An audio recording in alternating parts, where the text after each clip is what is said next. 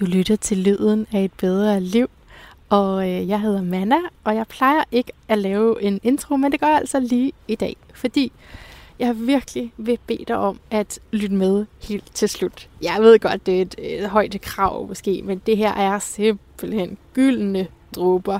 Jeg vil fortælle dig, at det er på en eller anden måde back to basics for mig med, hvad var det egentlig, du ville i forhold til interview, jamen så er det da netop ved, der kom til at ske med det, du skal høre nu. Jeg kan fortælle dig, at jeg var hos Lasse Thomas Etlev klokken 9.30 om morgenen, efter at have kørt halvanden time. Det er altså lidt en undtagelse, som du måske har hørt mig tale om før, men lige nu er der corona, og derfor så tager jeg ud til folk.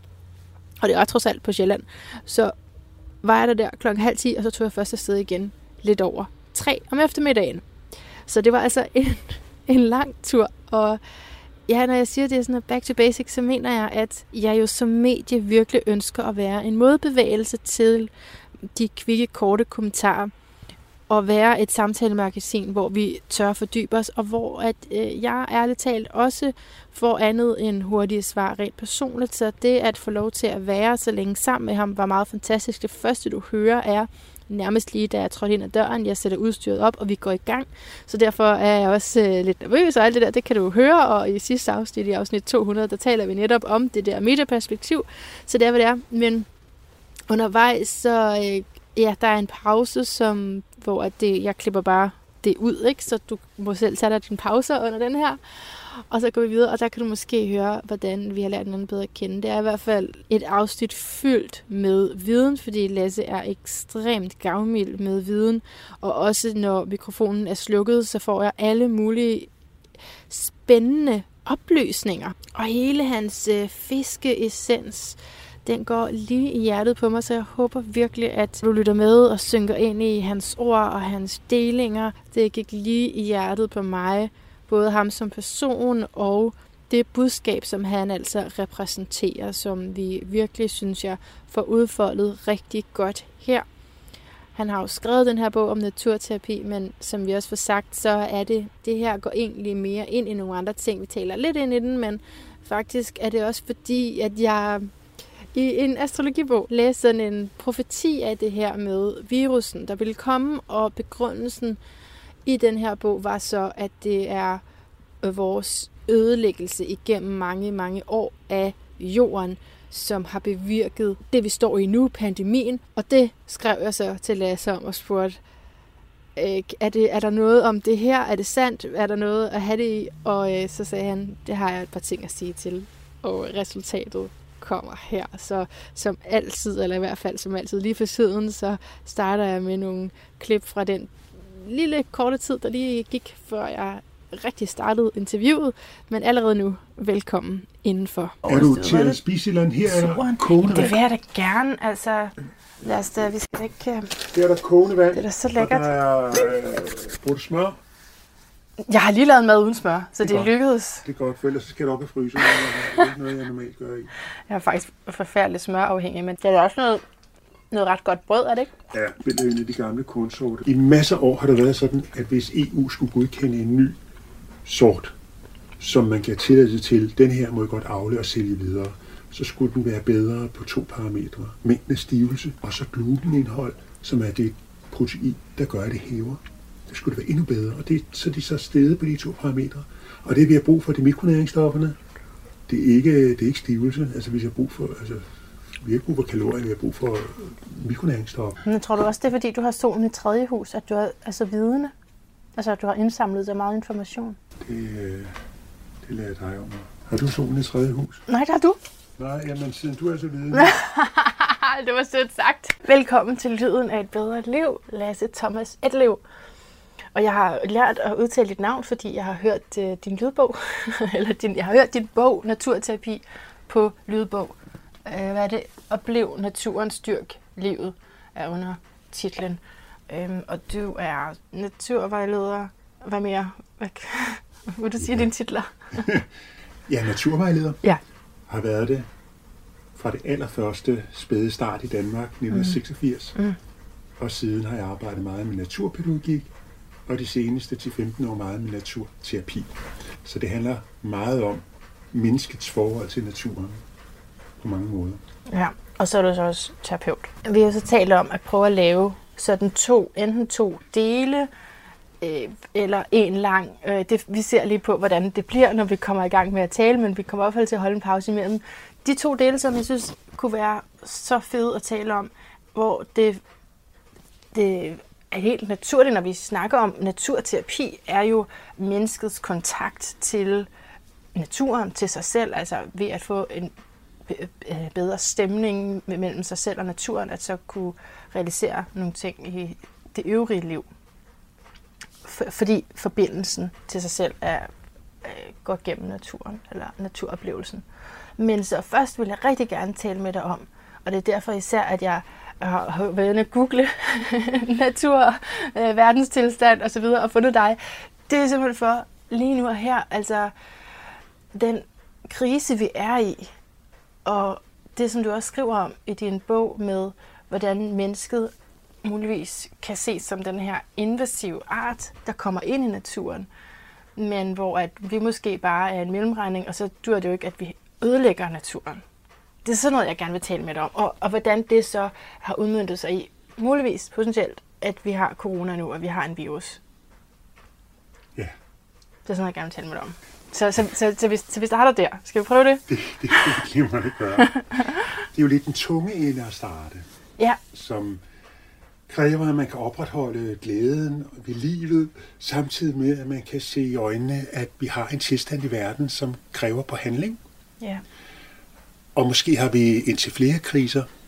En biodiversitetskrise, som handler om, at naturen går tilbage på mange måder. En klimakrise, som handler om, at klimaet er under ændring med stort hast. Og så har vi jo så en sundhedskrise i hvert fald i forhold til corona. Så, og det er jo interessant i hvilket omfang de her ting hænger sammen. Ja. Og det tænker jeg i mit verdensbillede, at de faktisk i høj grad gør. Mm. Og vi måske nogle gange er meget opsatte på en individuel sundhed. Nu får jeg måske, vi får måske et stik og så bliver vi så vaccineret, og så er det løst, tænker vi. Men det er jo ikke den planetariske sundhed, der nødvendigvis får det bedre. Og det er måske noget, som politikerne enten ikke ser i øjnene, eller tør se i øjnene, at vi har nogle meget større problemer, end lige det at få enden af tunnelen, bliver vi raske hver især. Right. Og det synes jeg ikke, der er fokus nok på. Og for at ligesom forklare det, øh, som, som jeg forstår det, så må vi sådan lidt ind i biologien. Vi hører lidt om et marked i Wuhan med nogle dyr, man har været for tæt på, og de her markeder, de må lukkes osv. Mm. Og så synes jeg ikke, man hører så meget mere om, hvad er det i grunden med de der flagermus? Hvad er det i grunden med den måde, vi både har husdyr og hvordan vi håndterer vilde dyr? Og det vil jeg meget gerne prøve at fortælle lidt mere ja, om. Ja. Der er det fantastiske ved flagermusen, at den har et rigtig effektivt immunsystem. Det vil sige, hvis man er en virus, der går på en flagermus, så skal man være rigtig sej for at få bukt med den, samme, med den flagermus, okay. fordi den, har, den er rigtig stærk. Og det vil sige, at der er sådan en konkurrence inde i flagermusen om flagermusen immunsystem i forhold til virusen, hvem der er stærkest. Og det vil sige, at de virer, viruser, der kan overleve på en flagermus, de er ret seje, fordi flagermusen har et godt immunsystem. Så det vil sige, at vores mange flagermus flyver rundt med sådan nogle meget potente virus, og det, det kan de jo klare, fordi øh, de lever videre med det. Men problemet er så, hvis de her virus pludselig øh, springer over på noget andet. Og det er sket med for eksempel øh, Ebola i Afrika. Det er, der vandt man ind på flagermusens øh, naturlige områder, så de fik tættere kontakt til aber og kontakt til mennesker. Hvis man er ude af deres levesteder, så vil de her flagermus jo prøve at leve andre steder og kan komme i kontakt med dyr og mennesker, som de ikke plejer.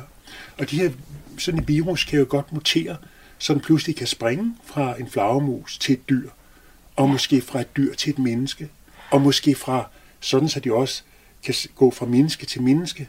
Fordi det her virus er jo bare sådan en genetisk kode, der okkuperer en celle i et levende væsen og begynder at styre det. Og de kan ændre ved mutationer deres måde at agere på.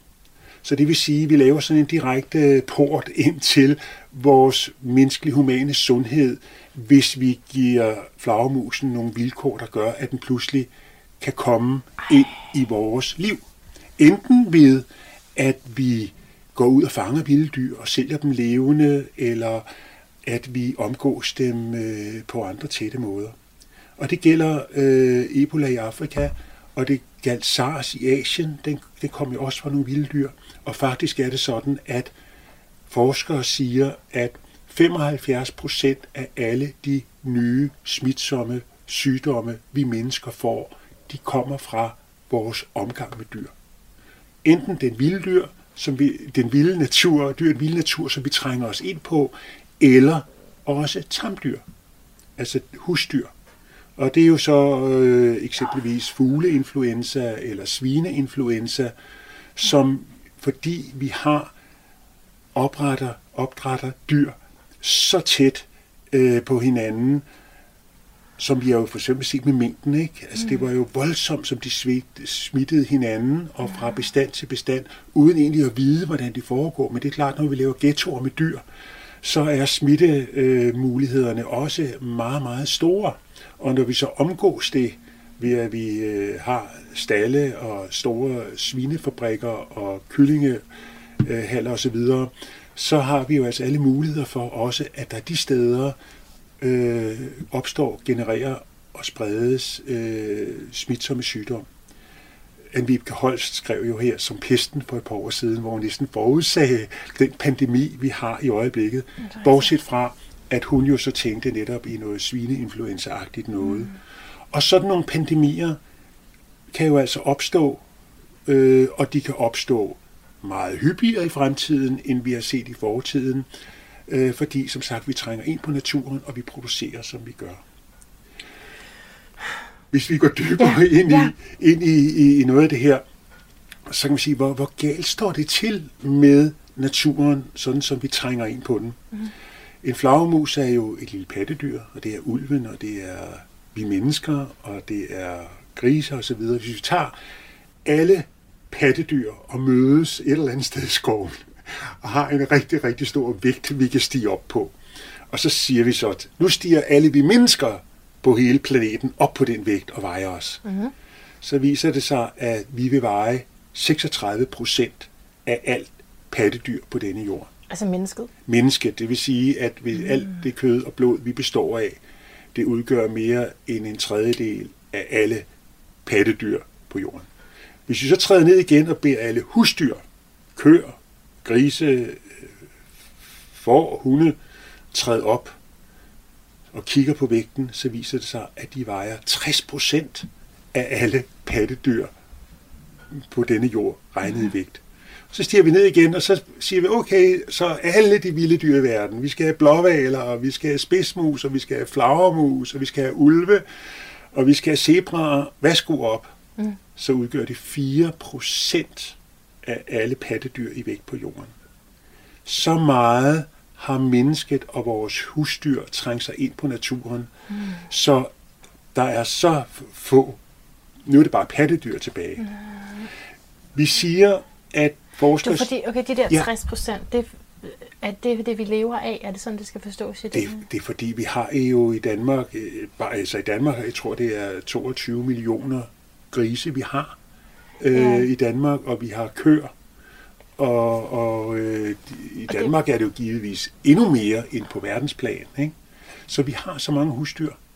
På den måde? Ja. Så på den måde er det lidt mere sådan, altså ja, det er produceret, det er kunstigt opdrettet, det, for at vi skal kunne leve af det. Det er det jo. Hvor de der 4%, det er den naturlige. Ja, det er det, der er tilbage. Det er det, der er tilbage. Altså opri- oprindeligt har, hvis vi går helt tilbage, sådan som mennesket levede som mm. samlere og jæger, mm. så var der jo ingen husdyr. Så, og der var nogle ganske få mennesker. Der har det været 96 procent vild, vilde okay. pattedyr og 4 procent mennesker måske. Så begyndte vi at domesticere nogle yeah. dyr. Det vil sige, vi ulven har måske nok været en af de, de første, vi har samarbejdet med for at lave, lave, jage nogle elge øh, ud i en sump, så vi kunne nakke den der for vores kanoer. Og okay, så blev ulven langsomt et, et, et husdyr. Mm-hmm. Og så fandt vi ud af, okay, man kunne også holde køer. Det er så ikke den, den øh, uroksen fra Danmark, den er jo så udryddet, ikke? men der kom nogle køer sydfra, ikke? nogle mindre dyr, køer, som, ind, som mennesker, der indvandrede til landet, havde med sig. Og, og så kunne vi så lave faste bopladser, fordi nu kunne vi så have, have kød, og, men så skulle vi altså også have noget korn øh, og noget hø til de her dyr. Og så begyndte vi så at opdyrke land, fælde skoven og brænde den af og dyrke. Og på den måde har vi så i Danmark, 60 procent af al areal i Danmark er jo landbrug. Og omkring 80 procent af alt det landbrug, vi dyrker, det bruges til foder til dyr. Det er byg, og det er foder, majs og så videre. Og det, alt det, vi dyrker, er jo det, man kalder monokultur. Det vil sige, der prøver vi jo at undgå at have insekter og vilde planter og så videre, fordi vi vil kun have helst den afgrøde, vi gerne vil have. Så der er ikke rigtig levemuligheder for noget. Der er ingen lærker, der er ingen viber næsten tilbage i det, man dyrker. Og insekter er der, ved vi også, går tilbage. Så det vil sige, med 60 procent af landet, der er ja. opdyrket, ja. og veje og byer og så videre oveni, så bliver der jo få procent tilbage af vild natur. Mm-hmm. Og vores, vores diversitet... Diversitet, det var det, jeg tænkte på, du ja, sagde mono. Det modsatte, det er så diversiteten. Ja, diversitet handler jo om mangfoldighed. Ja. Det vil sige, hvor meget forskelligt der er i naturen, hvor varieret genpuljen er, hvor mange arter der er, hvor mange økosystemer. Den variation har i Danmark uendelig lille plads, men også meget lidt plads på verdensplan. Så naturen er trængt tilbage, mm. og man taler om, at vi er i den 6. masseuddødningsperiode. Og den sidste masseuddødningsperiode, der hvor dinosaurerne og sådan noget røg, der er vi 65 millioner år tilbage. Der kom sådan en asteroide og sagde bang ned i Mexico, og puh, så blev der simpelthen formørket af støv og skidt og så videre, så kun de mindste pattedyr, de overlevede dengang. Så hvad sagde så, du? Trængnings... Hvad var det, du sagde der? Øh, det der trængnings... Hvad var det der?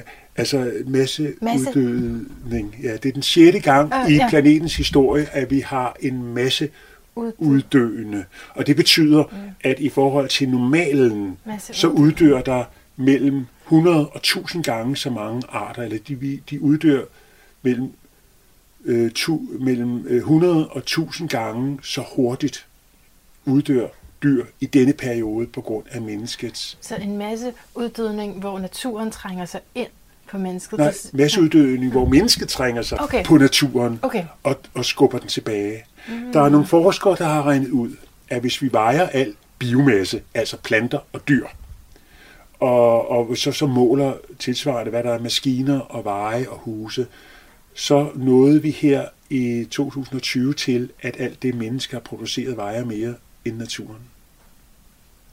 Som også er et udtryk for, sammen med landbruget, hvor meget mennesket fylder og har trængt mm. naturen tilbage. Mm. I den tid, jeg har levet, er der er antallet af mennesker på jorden også vokset til det tredobbelte. Da jeg blev født i 1955, så var der små 3 millioner mennesker øh, på, på jorden. I dag er omkring, nej undskyld, 3, øh, små 3 milliarder mennesker på jorden. Og i dag er der vist omkring 8 milliarder. Så det vil sige, at vi er også blevet super mange mm, mm, flere mennesker, plus vi øh, lever, øh, de fleste af os, med et stort forbrug. For at vende tilbage til lige det her med, ja. med covid-19 og ja. det der virus, så er det klart, at når vi giver naturen disse forarmede vilkår, så vil der være blandt andet flagermus og vilde dyr, som vi jo så trænger ind på, og der kan være virus i stalle, og at vide, at vi producerer så meget kød, så vi så ledes inviterer de her smitsomme sygdomme direkte ind i, i, i, i vores, vores liv. Mm. Det kan så yderligere være fremmed, eller det er fremmed af, at vi også har øh, mange flere mennesker på jorden, og vi jo rejser rundt, så en smitte kan komme fra Wuhan til Danmark og, og alle mulige andre steder på jorden på kort tid. Og det er også derfor, vi har alle de her restriktioner, at vi pludselig ikke må have så meget kontakt øh, med hinanden, mm. fordi at, at vi jo er tæt befolket, og vi, vi, har, vi rejser meget, og vi flytter os meget rundt. Så det er jo også antallet og vores måde at leve på, der gør, at de her virus, de kan bare tage for sig og gå fra den ene til den anden. Mm.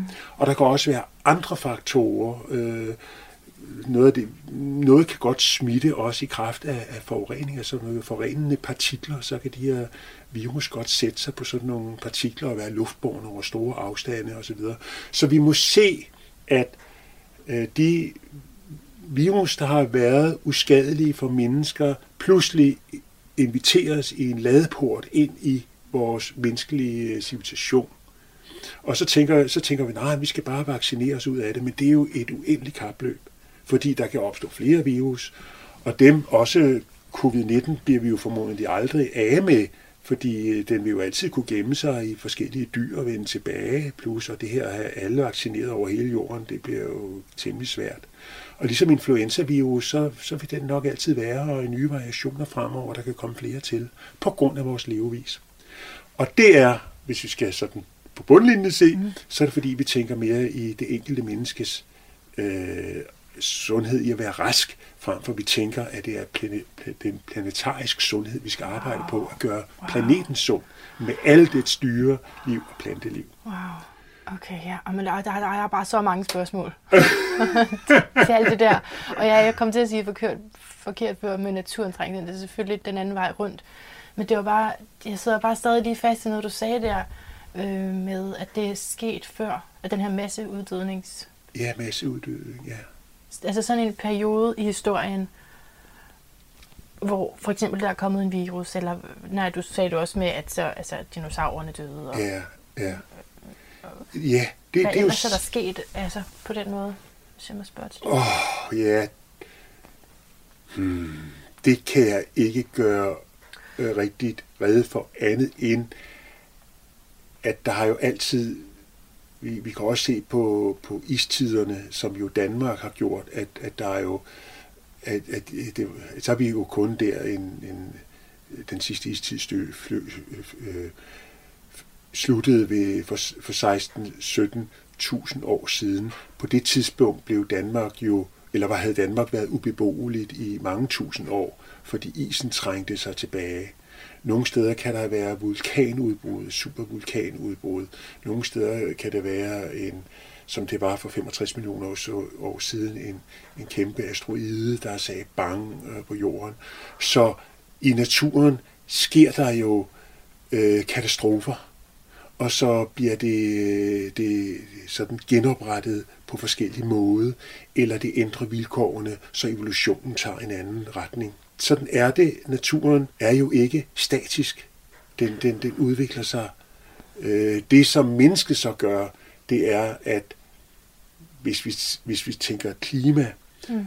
øh, skal vi, er det okay at snakke ja. klima som eksempel Endelig. nu? Ikke? Endelig. Øh, altså klimaet har jo også ændret sig meget gennem tiden, men det ændrer sig nok lige nu med en hastighed, der er større end naturen har kunnet ændre det gennem tiden. Altså siden industrialiseringen satte i gang i midten af 1700-tallet og frem til i dag, så er CO2-indholdet i atmosfæren steget 35 procent. Og det vil sige, det er derfor, at vi så har det her lag af CO2, så vi har drivhuseffekten, det vil sige, at solens varmestråler kan nå ind til jorden, men ikke rigtig slippe ud. Og så sker der en meget hurtig opvarmning af jorden, øh, som er accelereret, fordi mennesket oven i de naturlige processer lægger en, en, en ekstra faktor. Hvis vi ser på, at der er jo det, der hedder Gaia-teorien. Ja. Øh, en, der hedder James Lovelock, der, der fremsagde en teori. Han undrede sig over, at det kunne alligevel lade sig gøre at opretholde liv på jorden i år millioner. Hvorfor blev det ikke udslettet? Og, og, og forudsætningen for liv er, at der er nogle forskellige ting, der skal være fint, fint på marginaler. Altså temperaturen på jorden er jo meget stabil i forhold til rigtig mange andre planeter i universet. Der er nogle, hvor det er ekstremt koldt, hvor vi vil fryse ihjel eller brænde op. Det er også sådan, at vi har øh, omkring 20 procent ild i atmosfæren. Ikke? Det er også en vigtig parameter. Der er sådan forskellige ting, der, der skal være stabile for, at, at der kan leve organismer.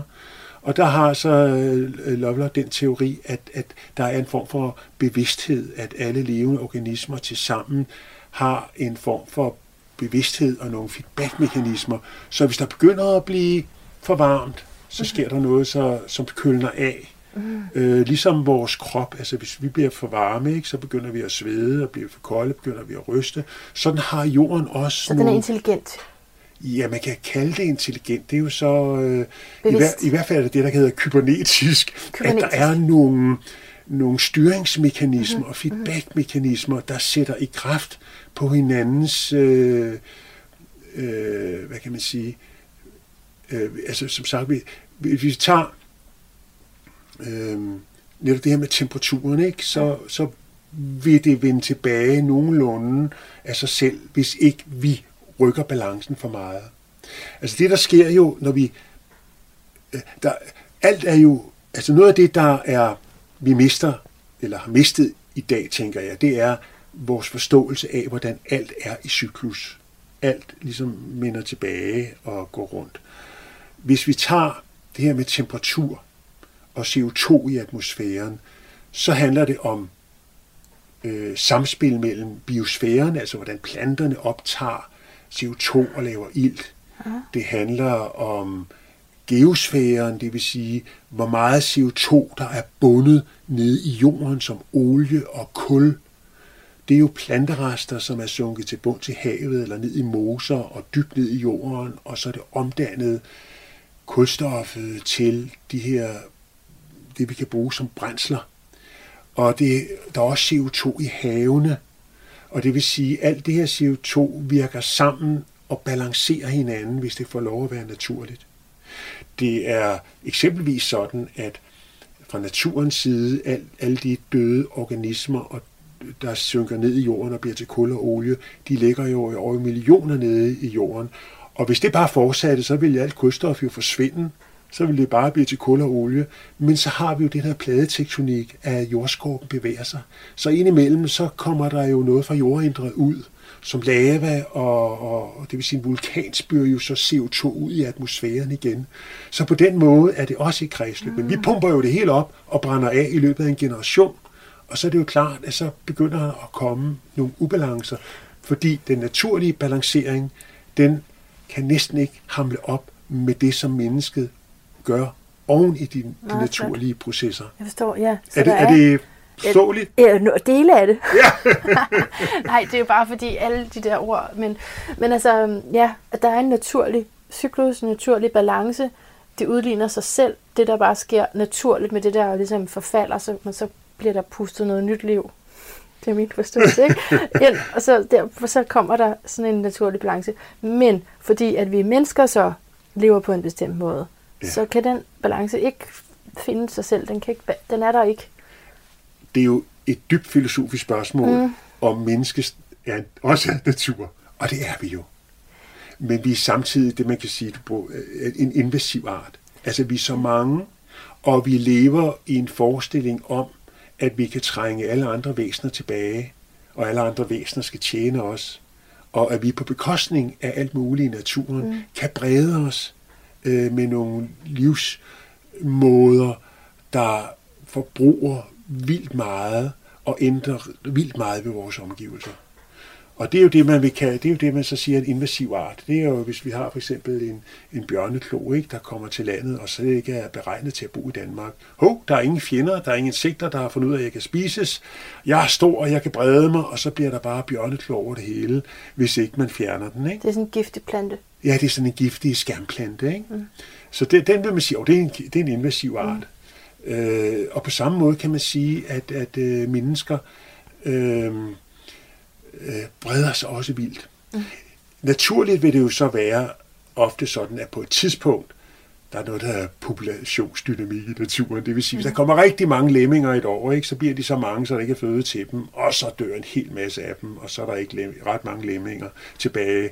Og når der så er få tilbage, så har de gode ynglemutter masser af mad, og så stiger det, og så bliver der masser igen. Så det igen, det tager sig af sig selv? Ja, sådan er, sådan er det ofte i naturen. Mm. Og så kan man sige, det der er så naturligt, ville regulere menneskets bestanden af mennesker. Det er jo lige præcis virus og sygdomme osv., der er tilbage, fordi vi er ved at udrydde rovdyrene og sådan noget. Vi har jo ikke ret mange fjender, men vi har altså de der små øh, virus og bakterier og så videre. Som er den største trussel for mennesker, fordi de muterer hurtigere. Ja, altså, altså? Det vil jo nok altid være sådan, at, at øh, der, vi, vi, der vil udvikle sig, immun, vi kan udvikle blive immun, ikke? Men altså for eksempel den spanske syge, som vi havde der for 100 år siden, den, den tog i mange flere menneskeliv, og også unge. Øh, den covid-19, den tager jo i øh, stort set øh, fortrinsvis ældre mennesker med svækket immunsystem. Ikke? Og, Fordi vi har udviklet os som art? Eller? Nej, det er jo så den covid-19, der den måde, den, den angriber os, os på. Den er ikke Men så der, kan komme, der kan komme virus, som øh, angriber på nogle helt andre måder. Mm. Så i den forstand er vi jo heldigt sluppet med covid-19, mm. at den tager børn og unge og hvem som helst. Øh, øh, men det ved vi jo aldrig, hvad, hvad en virus kan mu, mu, mutere til, og, ja. og, hvad den, øh, hvordan. Men fra naturens side... Ja, så siger du, der, det er simpelthen det, man kan gøre. Vil der jo altid... Øh, det naturen kan gøre ved mennesker, det er at udsende en virus. Er det det, du siger? Øh, altså, det er jo så formuleringen, hvad naturen kan gøre ved mennesket. Det, Nej. De kan jo så forstås på den måde, at naturen siger, så er det nok. Ikke? Altså, ja. Den har sådan ligesom guddommelig kraft. Altså, nu mm. bremser vi. Hvad skal vi sætte ind? Vi vælger en virus. Vi prøver det her. Det er jo ikke så, at det sådan fungerer. Det kan jo godt være, at det er bare en selvfølge, at når vi øh, lever på den måde, vi gør, så inviterer vi virusen ind i vores, vores liv. Og, og det, det er i hvert fald rent videnskabeligt, kan vi jo helt faktuelt sige, af den måde, vi producerer vores husdyr på, og den måde, vi trænger os ind på de vilde dyr, den måde, vi omgås dem, den måde, vi er mange mennesker med meget samkvem, det er som et dækket bord for virus. Det er bare det til selv bord. Så derved kan naturen jo ikke andet end bare sige, okay, jamen, der er en udviklingsmulighed, og, og dem, der kan gribe den udviklingsmulighed, det, det er en virus. Det er sådan naturens mekanisme at tilintetgøre mennesker, hvis de bliver for mange. Ja, altså sådan er det, hvis vi betragter det, der, der hedder... Altså det, det, er, jo, det er jo ligesom, hvordan man, man sætter det op. Men enhver, det man kalder en population, enhver ja, population. mængde af en dyregruppe vil jo normalt have, kunne nå, nå et loft. Fordi det når det loft, så vil der være et eller andet, en eller anden mekanisme i naturen. Hvis der var masser af bjørne, ikke, så ville de jo sikkert æde os, ikke? Mm. friske mm. bjørne, ikke? men nu har vi altså øh, slået dem ihjel. Så det er jo, det er jo mikroorganismerne. Det, jeg synes bare, at det i sig selv er en lille smule deprimerende, men det er der jo ikke noget at gøre ved. Det, det er bare sådan, det er, hvis vi bliver for mange. Altså, hvad, men hvad skulle, hvad kunne løsningen bare i det? Jeg ved godt, jeg taler slet ikke ind i alt det her, det, det næste, men bare lige for at blive ved det der med, at det er sådan helt, det er sådan, det er. Hvad skulle man, løsningen på det er så at få færre børn, eller hvad? For at man ikke blev syge og blev udryddet. Den, dengang mennesket levede i små øh, grupper mm. i jægerstenalderen med 8-10 øh, mennesker, der vandrede rundt og bosat sig havde meget lidt samkvem med hinanden. Hvis der opstod en virus der, jamen så ville den lille gruppe måske blive syg, og, nogen, og før de overhovedet fik smittet andre, så var den nok væk igen. Så var de nok blevet immun i den lille gruppe. Deprimerer det dig ikke? Deprimerer det dig ikke, det her faktum? Øh, men, men det jo klart, jo flere mennesker vi er, jo, jo, jo lettere øh, smitter en, en, en virus. Men bare selve så, det, at de skal dø, hvad, hvad? Det selve det, at de, den her lille landsby skulle dø, eller dem, der bosatte sig Ja, men der var ikke ret mange. Øh, øh, altså, det, det var først, øh, mener forskerne, da vi blev bofaste. Da vi begyndte at, at i stenalderen og i, i bronzealderen, det begyndte at få husdyr, og vi boede under okay. tag med dem, okay. og vi fik landsbyer osv. Det var der, vi formodentlig pludselig fik for eksempel influenza-virus okay. som noget, vi havde fast blandt mennesker. Så, så det er den sådan historiske baggrund. Men svaret, svaret øh, er jo nok, det bedste svar vi har, det er jo de her FN's verdensmål, som jo, øh, hvis vi kan opfylde dem, jo vil ændre rigtig meget. Der er jo også både indsats for naturen på land mm. og naturen på, på vand, den måde vi producerer på. Og så er det selvfølgelig spørgsmålet, hvordan øh, befolkningsudviklingen går i verden. Altså øh, noget tyder på, at øh, at de fremskrivninger, vi har haft, øh, øh, nok, altså at på en eller anden måde topper det måske øh, på hvad ved jeg, 8, 9, 10 milliarder mennesker på jorden. Men i min verden er det, er det alt for meget.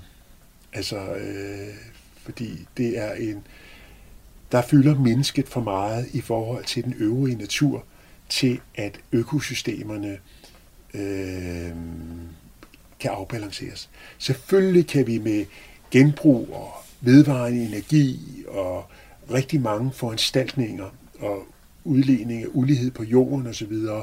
leve i væsentligt bedre balance med naturen, end vi gør i dag. Og det skal vi arbejde på. Men samtidig tænker jeg også, at vi, vi, vi, vi er nok vi er nok for mange til, at, øh, at naturen kan få en chance for at, at retablere sig, genetablere sig. Altså den vilde, vildere natur med, med, med den store diversitet. Og lige sige til lytterne, at det her det bliver en meget, meget lang episode, fordi jeg har rigtig mange spørgsmål endnu. Vi er slet ikke kommet ordentligt i gang endnu. Det, jeg har, det er så spændende, det her. Jeg vidste slet ikke, du var så vidende. Så, så det er rigtig godt. Okay. Øh, jeg oplever det sådan, at typisk når man er ung, så får man sådan nogle tanker her om klimaet og hvordan man vil leve, og så tænker man, ved du hvad, det er også for fjollet, at jeg skulle til at have børn. Det lader jeg være med, fordi øh, så har man nogle begrundelser i forhold til verdens tilstand, for hvorfor at det måske var smart, ikke selv at få børn, men at adoptere, hvis det var det, eller pleje børn, eller på den måde få det behov dækket. Og så bliver man ældre, man møder en eller flere, og så en til sidst, eller flere. Anyway, så på et eller andet tidspunkt, så tænker man, øh, jeg har brug for, at der er noget af mig, der skal gå videre, og så glemmer man den gamle ungdomsidealisme og tænker på sig selv. Og derfor, det som vi har talt om, at øh, vi skal lave sådan to dele her, og du sagde det også i noget af det første der, men det er jo, i virkeligheden, så hænger det sammen. Altså, det vi gør ved naturen, og så vores egen natur, ikke? og kontakten til os selv. Så men, kan du genkende det med, at det, det er jo et menneskeligt behov at få børn? Og at det, hvis man kan, og hvis man er i en livssituation, hvor det kan lade sig gøre, så er det en meget typisk, altså, så glemmer man alle de der grunde, man havde til at kæmpe imod. Hvor mange børn har du? Jeg har to børn. Du har to børn, okay. og altså, du, det, men øh, jeg havde, altså, det er jo sådan mærkeligt, hvad man har gjort af, fordi jeg havde det klart sådan, to børn, det er det. Ja. Og så blev jeg steriliseret, fordi jeg skulle have flere børn. Godt. Det valgte Spændende. jeg simpelthen. Okay. Ja. Og det, så det var med begrundelse i det her? Altså, det er jo også en social ting, hvor mange børn, øh, synes jeg, jeg, jeg, jeg, jeg kunne have at stå for.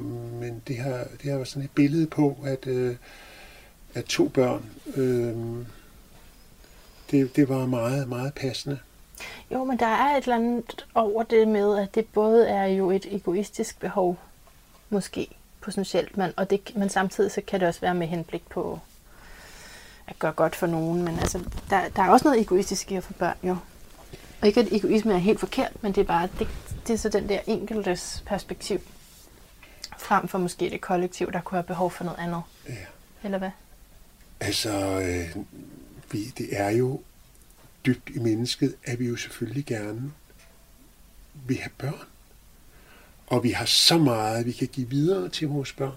Mm. Man kan sige, at Danmark er, Danmark er jo ikke et land, hvor vi ville blive flere, hvis ikke det var øh, på grund af indvandring. Og sådan. Altså det er jo, i Europa er fødselstallet jo i sig selv jo ikke vildt, vildt stor. Øh, og jeg tror nok, dem, der beskæftiger sig med, siger, at det, det, er jo, det er jo socialt. Når man visse steder i verden har for rigtig mange børn, så er det jo typisk på grund af, at øh, børnene er en forsikring mod, øh, altså, altså fordi børnene de kan, kan jo bidrage. Og, og øh, mm. ja, så i det omfang, man, man er, har et, et, et, et demokratisk og et, et, et socialt velfungerende samfund, hvor der bliver taget hold om de ældre, så er det jo ikke nødvendigt at få mange børn. Og det er heller ikke nødvendigt at få mange børn, når man har et godt sundhedssystem, så, så børnene overlever. Og det er jo det, der, der, der jo så er sket mange steder, at man rigtig mange flere børn overlever, heldigvis, men hvis man så bliver ved at føde rigtig mange. Ikke? Mm.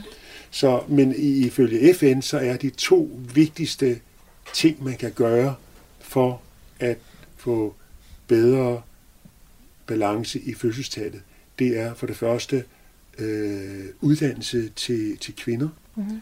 øh, så at de ikke kun har rollen med at, at, at, at føde børn, mm. men med uddannelse og, og, og arbejde øh, og, og viden, så vil de automatisk øh, gå fra at føde mange børn og så ind til at øh, øh, leve et, et, et, et, et liv med, med, med færre børn. Og så er det jo sådan noget som prævention. Altså, ja, jeg tænkte lidt øh, det. det er jo, og, og det, altså viden om prævention og mm. brug af prævention. Mm. Øh, for det er klart, hvis man bare hvis man føder lige så mange børn, og de bare overlever, øh, fordi på grund af sundhedsting, øh, så må man jo så mods, modsat også øh, bruge, øh, altså gå ind med noget, ja. noget prævention. Og det har jo haft det svært under, under Trump. Han har jo været direkte imod at, at, at, at, at bevilge penge til de programmer i FN, der prøvede at arbejde med at regulere øh, befolkningen øh, eller fødselstallet i de steder i verden, hvor, hvor det har været, været stort. Øhm, Fordi det har USA ellers Ja, USA har været bidragyder okay. til nogle af de programmer, okay. som blandt andet også skulle sikre, at, øh, at der var tilgængelig prævention og oplysning om prævention som en del af, af, af indsatsområderne i, i nogle øh, lande i verden. Ikke? Mm. Og så er der jo selvfølgelig det religiøse, den katolske kirke, ja. ikke mindst. Ikke? Så der er mange kulturelle faktorer, der, der griber ind. Men det at få børn ja. er jo en glæde, og det er også børnene, der skal føre verden videre. Det er sådan. Ja, i et stort perspektiv, og det er selvfølgelig meget, meget råt, men så kan det da godt være, at mennesket er en lille parentes i evolutionen. Det synes vi, jeg nemlig, jeg har læst i en klog bog. Er vi, for er, vi, er vi slet ikke øh, er den art, som er bedst øh, egnet til at øh, dominere denne klode?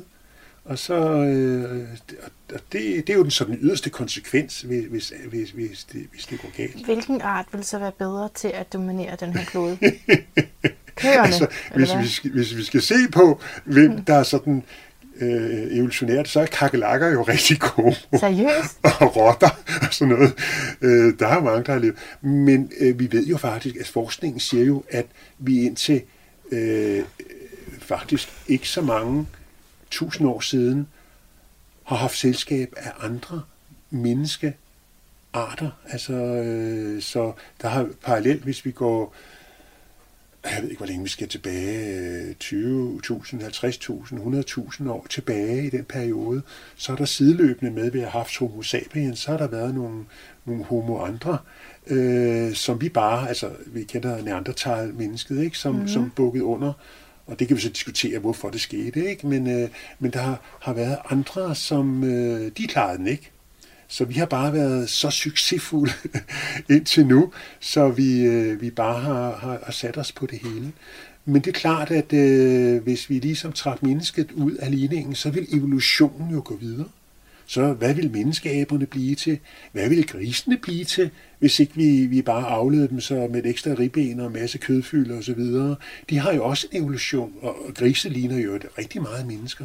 De, altså på, på vores krop. Vi kan jo mere eller mindre eksperimentere med at transplantere visse organer fra grise over på mennesker, mm-hmm. og, og de, er, de har også en adfærd osv. Så, videre. så det er da ikke umuligt, at nogle af de der dyr også vil udvikle en pandelap som os, okay. og, og blive begavede bevæsener på jorden øh, en gang ud i fremtiden, hvis ikke mennesket. Og det er jo nok... Hvis vi ikke greb ind. Det er jo nok en øh, dyb, dyb filosofisk ting. Fordi vi mennesker har jo nok i kraft af de monoteistiske religioner set os selv som skabt i Guds billede, hævet over naturen. Ja. Hvorimod moderne videnskab jo siger, ho, ho, faktisk deler vi jo rigtig mange gener med dyrene. Vi troede jo engang, at når mennesket har jo rigtig mange flere forskellige gener end dyrene. Nej, nej. Øh, der er mange dyr, der har lige så mange eller flere gener. Og vi kan også se på en chimpanse her, jeg tror, den har over 99 procent af den gener er identiske med mennesket. Så meget ligner hinanden. Vi ved også mere og mere om, at øh, mange dyr har følelser. At øh, de har et, en social, øh, højt udviklet sans. Og mange øh, dyr, øh, højere pattedyr, elefanter og valer, oplærer over mange, mange år øh, unge individer i den måde at leve på, øh, som øh, altså, øh, de store hulelefanter ved, hvor man skal vandre hen, ikke? og de gamle valer ved også, hvor man skal, hvor man skal vandre hen, og spækhuggerne ved, hvordan man jager på en bestemt måde osv. Så, så der er også nogle, man kan kalde det kulturelle eller øh, sociale øh, konstellationer, som også bæres fra de øh, gamle individer til de unge.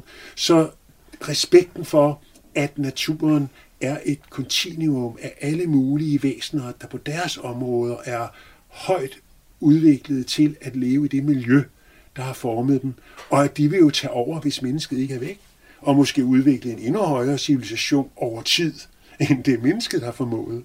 Det kan jo godt være. Naturen er et kontinuum af væsener. Og du sagde det der med chimpansen. Det er bare, jeg er nødt til lige at spørge til de der ting, der lige sidder fast i mit hoved. Ja. Øh, du sagde, var det 99 procent? Ja, det, men jeg tror, det er 98 procent. At, det om... At, øh, der, der er et match mellem en chimpanses gener og et øh, menneskets gener. Der er altså kun lige måske halvanden procent, som Men hvad har man gjort for, at den ikke skulle udvikle sig? Vi har vel ikke gjort, har vi gjort noget? Kunne den ikke bare have udviklet sig? Jo, jo, givet, altså givetvis, altså som sagt har der været nogle menneske, nogle homovæsener, ikke? Mm. som altså også har udviklet sig videre fra øh, en fælles forfædre af aberne til noget, som har lignet mennesker, nogle, nogle små nogle og neandertaler osv. Mm. Så der har jo været alle mulige variationer af, af menneskelignende og abelignende væsener, hvor bare at vi tilbage har mennesket, og så har vi så menneskeaberne, ikke? Så har vi, vi har ikke den der vifte af andre øh, lignende... Men kan de udvikle sig, hvis ikke vi gjorde noget, hvis ikke der var nogle restriktioner? Alt udvikler sig, hvis det får lov. Men kunne chimpansen, hvad er det, vi gør, for ja. at den ikke skal udvikle sig? Er det fordi, altså, det er jo, vi er jo kæmpe, kæmpe lange tidsrum. Hvis der er Altså, men, vi må jo se mennesket, at, at det, har, det har jo været sådan en, et, et væsen, som har udviklet sig i kraft af, at øh, eksempelvis vi kom ud på, på savannen i det åbne, ikke? Ja. så øh, de individer, som kom, kunne gå på høj, op på begge ben og se ud over landskabet og så videre, de har kunne klare sig bedst, og så er vi gået fra at være firebenet til at være tobenet væsen. Ikke? Vi er mere end at svinge os i, i træerne, har vi så mere været nogen, der gik, gik på savannen. Så har vi så pludselig mener nogen, i kraft af, at vi øh, fandt ud af at beherske ilden, så har vi kunne få helt andre fødemidler, fordi vi har kunne, vi har kunne øh, varme noget, vi har kunnet øh, koge, og, eller vi har i hvert fald kunnet lægge nogle døde dyr øh, ind i nogle gløder og noget ild, så det er blevet stegt, så vi har kunne spise meget mere kød og fået mere protein, så og fedt, så hjernen har udviklet udvikle sig mere. Så miljøet øh, og forudsætningerne, hvis der har været en niche, altså øh, mulighed for at jage på savannen på den måde, vi har gjort, jamen så har det så fremmet de evner hos os, som har passet til at udnytte den fødemulighed, den livsmulighed. Og sådan vil det jo være med et hvert dyr, hvis der sker en katastrofe for den, det bliver jaget ud af regnskoven, hvis sådan kan mm. bosætte sig et andet sted, hvis naturen byder på en mangfoldig måde at indrette sig på, så vil den jo invadere det område, og de individer, der det er sådan en darwinistisk tankegang. De individer, der, der, der, der kan overleve det, de vil jo få afkom, og dem, der siger, at det er sgu besværligt, eller her, det kan jeg ikke være i, de, de vil så ikke få, få afkom. Så sådan, sådan virker evolutionen jo ifølge Darwin. Så kan man sige, at vi har frataget mange husdyr deres naturlige evolution. Altså fordi en, en ah. gris, en gris fra naturen, den, og også hvis vi tager en gris i en stald, vil den stadigvæk have instinkter ja. til, hvis vi lukker den ud, så når den øh, skal til at fare, når den skal til at få unger, så vil den bygge rede, og, og den vil lægge sig i den her rede, og den vil have en masse instinkter fra naturen stadigvæk. Mm. Men det prøver vi jo at afle. Ligesom hønsene har vi jo avlet, så det ikke bare lægger, lægger øh, syv æg i en rede i en jungle for at få unger en eller to gange om året, men de lægger æg hele året. Det er jo sådan nogle egenskaber, vi har avlet frem. Okay. Der har vi så overtaget deres evolution øh, fra det, der var muligt i en naturlig sammenhæng til, at, at det vi så tvinger dem ind i. Ikke? Så vores husdyr har vi jo, det er jo det, vi kalder avl.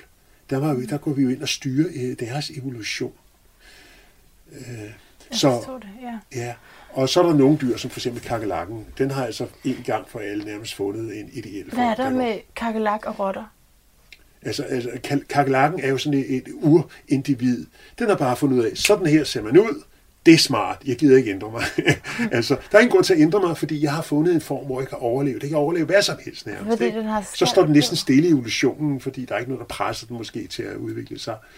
Øh, men rotter, øh, de er også, de, de ligner jo mennesker på den måde, at de er jo enormt tildat med passestykket dygtige. De kan leve af at spise hvad som helst, og de kan sprede sig, og de kan have mange unger, og de, kan, de er begavede, de er jo kloge. Altså, rotter er virkelig kloge. Altså, de er også, det ved jeg, hvis du spørger sådan en rotte, fænger hen, øh, så er de svære at få bukt med, ikke? fordi de, de snuser og smager, og, og så spytter de det ud, ikke? og hvis de efter nogle dage finder ud af, at ah, jamen, det kunne godt spise, så går de hen og så spiser det, øh, og, og, og hvis, altså, de, og de er meget, jeg- meget lærernemme, ikke? Hvorfor synes jeg så, de er så klamme? Altså, rotter er jo klamme, øh, fordi de jo lever mm, i menneskelige ekskrementer i vores kloakker og, ja. og så videre. Så de er jo der, de kan jo være bærer af smitsomme sygdomme, blandt andet fra menneske til menneske. Men min søn som barn, han havde da en tamrotte, og den havde ikke levet i nogen kloak. Så Altså, den, man- den var ikke ulækker. En, man køber ved dyrehandlen? Ja, ja, så kører man, man kalder dem laboratorierotter. De er gerne Okay. hvide eller, eller brogede. Og det, er lige- det, det, den var jo helt ren, for den havde ikke været nede i nogen kloak eller noget. Og det var noget af det, det sødeste lille dyr, meget, meget begavet, øh, som han var meget, meget glad for. Hvordan begavet? Altså, øh, Eksperimenterede han så på den? hvad siger du? Eksperimenterede sig han med Altså, den? Så? for det første, så hyggede den sig jo, ikke?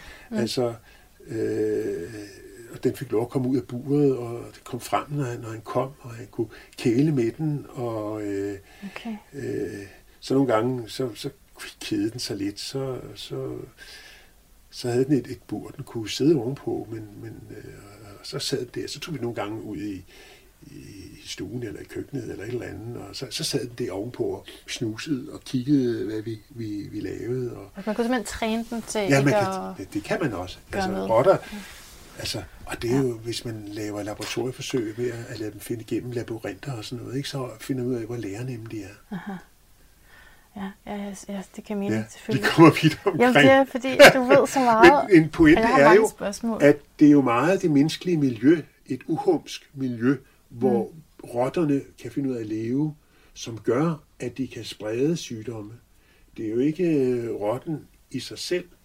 Øh, den, kan, den, er, den er meget renlig. Den slikker sig og holder sig ren på poterne og på pelsen osv. Så, videre. så det, den er jo meget renlig dyr. Altså, så, okay, jeg har også lavet nogle spørgsmål. og jeg tror, at det første spørgsmål er, vi sådan, det er det, vi taler om generelt, tror jeg, i den her del i hvert fald, med hvordan virusen hænger sammen med vores livsførelse og omgang med natur. Og i bogen, der skriver du, at der ikke må være et for stort gab imellem de behov, vi er født med, og det miljø, vi er i. Og du taler om den her længsel efter den senmoderne tids uafv- nej, ja, den senmoderne tids uafviselige længsel efter naturen. Ja. Der har jeg fået skrevet længsel to gange, men det er også fordi, det er vigtigt. Og så er det, at vi har mistet adgang til den ressource, som naturen kan være, eller er, på grund af kirken, videnskaben, det fornuftsbaserede. Ja, vi taler jo allerede lidt om det, ikke? Altså, det, det, du har talt om indtil videre, det er, hvordan vi har restrikt, altså, sat nogle rammer, Ja. produceret og tæmmet noget natur, der måske burde have været vildt. Ja. Også i forhold til den flagermus, du startede med at tale om. Hvis den havde fået lov til at leve, hvor det var naturligt for den, så havde den ikke smittet videre. Nej. Yes, det er jo rigtig vigtigt, at vi har jo en fin kultur, og vi har et åndsliv, men man kan godt sige, man kan godt sige at, at det er også menneskets natur at være kulturskabende og skabe sociale relationer. Altså et lille barn vil jo dø, hvis ikke det har social kontakt. Mm. Og vi har levet øh, fra naturens side i sådan nogle øh, små stammesamfund, hvor vi har taget fælles ansvar. Og det viser sig en antropologisk undersøgelser, af sådan en, et stammesamfund på en 60-70 mennesker, det kan vi overskue og fungere i med en stor socialitet og et stort fælles ansvar osv. Så vi har jo fra naturens side rigtig mange ting. Det er ikke sådan, at vi, vi skal rende rundt som, som vilde dyr. Øh, vores, det er en del af vores natur at være kulturelle og sociale øh, og kommunikerende væsener. Når jeg så mener, at der, det, det er, der kan være for langt fra vores iboende natur mm. til nogle af de øh, miljøer, vi lever i, så handler det med, at vi jo stadigvæk har en krop og en hjerne, som øh, stort set, mener forskerne, er som et stenaldermenneske. Og det vil sige, at vores hormonsystem, vores nervesystem, vores krop, vores bevægelse, det er jo ikke ændret i takt med, at vi har bygget huse og lavet biler og lavet maskiner og computere. Vi sidder stadigvæk med et naturligt krop, ja. øh, som er i, som sanser og som bevægelsesapparat er øh, designet eller evolutioneret, evolutionen øh, øh, kommet frem til at, at skulle bruges til noget helt andet, vi bruger den til. Og det er jo fedt, den kan så meget. Ja. Men hvis vi tager sådan noget, som det er noget af det alvorligste med stress, hvis vi antager, at vi er på savannen, hvor vi har slappet meget af, og det havde man i samler- og jægersamfundet, der, der knoklede man slet ikke så meget, som det vi fik landbrug. Der har man slappet af og hygget sig og siddet i træer og i grotter og på klipper afsat sig en stor del af dagen. Og så har der måske været en, to, højst tre gange måske om dagen, hvor man virkelig har haft hele nervesystemet og alt på spil.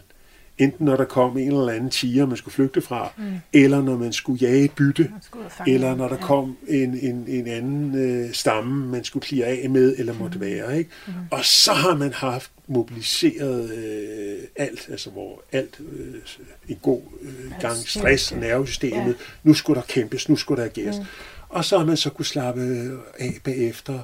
Og det her er vores hormonsystem og nervesystem så har været givet til, at vi kan virkelig være i meget, meget stort øh, arousal nogle gange, ikke? Og så kan det, det parasympatiske nervesystem dæmpe os og give os ro og restituere os på andre tidspunkter i passende afstemte perioder. I vores samfund i dag, hvis vi kører igennem trafikken, så vil der være trafiklys, og der vil være fodgængerfelter, og der vil være et eller andet, der biber ind på mobilen, og der mm. vil være en opbremsning, og vi stiger ud, og så får vi en besked, at vi skal huske, og vi skal også lige købe ind, og når vi skal hente børn, men inden da, og på arbejdet, og så kommer chefen, og så kommer en kollega, og kollega har problemer, og chefen kræver, og nu kan jeg se, ja. at min to-do-liste er blevet for lang.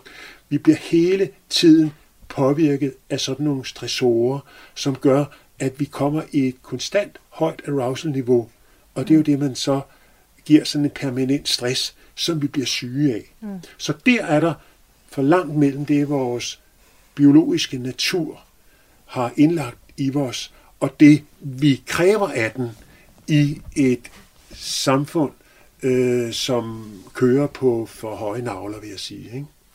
Ja, og bare lige sådan en, fordi du skal også svare på det andet, men vi talte om før mikrofonen blev tændt, og i forbindelse med medier, du har været i, og altså, alle ved jo, at de, sådan, de etablerede medier, det skal gå rimelig hurtigt. Ikke?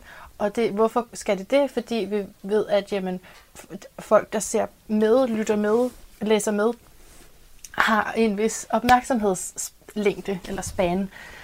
Så det, det er jo også, altså det mener jeg bare, det er også det der, du taler om, at det, det er så stressende, vi er vant til at få så mange informationer, så vi bliver der ikke særlig længe, med mindre at de siger noget lige med det samme, som er mega godt, og så bliver det alligevel kun tre sekunder. Så tempoet bliver hele tiden, ja. og man så må sige, øh, jappet op, ja. øh, og nogen kan have det, og jeg kan også have det fedt med i perioder, der sker noget, ikke? Mm-hmm. men jeg kan ikke være i det ret længe. Man så må ud jeg... på rigtig meget. Hvad siger du? Man misser ud på rigtig meget, lige for forbindelse med medier. Så ja. er der jo alt dybden, og så er der lige at lige tur kede sig en lille smule, før ja. man så... Altså, det er nogle gange det, der skal til.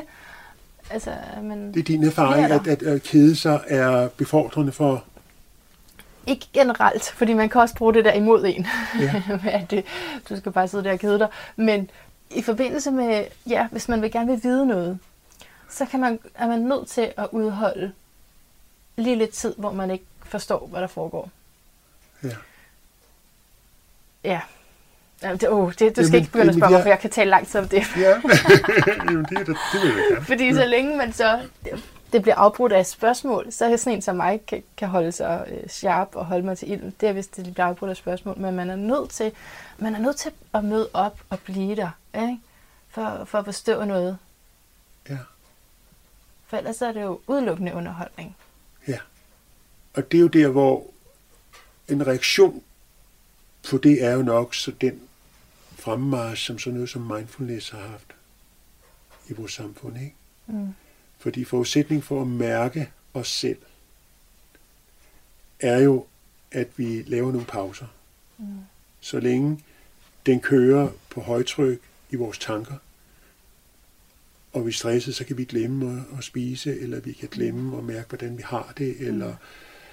Men hvis vi så laver de her pauser, hvor vi er opmærksomme på vores krop, vores vejrtrækning, hvad vi sanser i det helt nære, så mærker vi så pludselig, hvordan vi har det, tilstanden i os. Og det kan være skrækindjagende. Det kan være, at man ikke synes, det er rigtig rart at komme i kontakt med. Mm. Det kan også være, at øh, altså vores drømme om natten siger jo nogle gange noget om, øh, hvad man ikke fik afrundet, Mhm. afsluttet, taget hånd om den foregående dag. Nogle kan huske deres drømme, nogle kan ikke.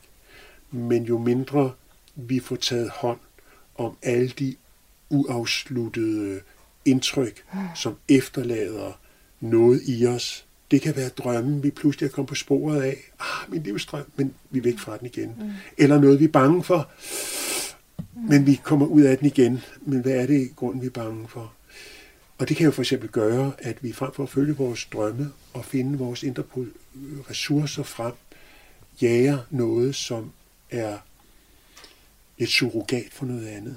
Ja. Altså det kan typisk være det i min verden, mm. det der gør, at vi bliver meget materialistisk Mm. øh, indstillet, at vi, vi tænker, at vi må være trygge ved at eje, eller øh, vi må lade os underholde, fordi så mærker vi ikke alt det andet, Mm. der presser sig på. Øh, så, og det er jo så der, hvor vi nu vi kunne begynde at snakke Du naturterapi. kan faktisk godt connecte det til... Ja, Nej, vel, nå ja, naturterapi, men jeg tænkte, vi kan faktisk også godt connecte det til det der med kirken og videnskab og det fornuftsbaserede, fordi der er jo også noget med ejendomsretten og det, altså alt det materialistiske og kapitalistiske. Ja.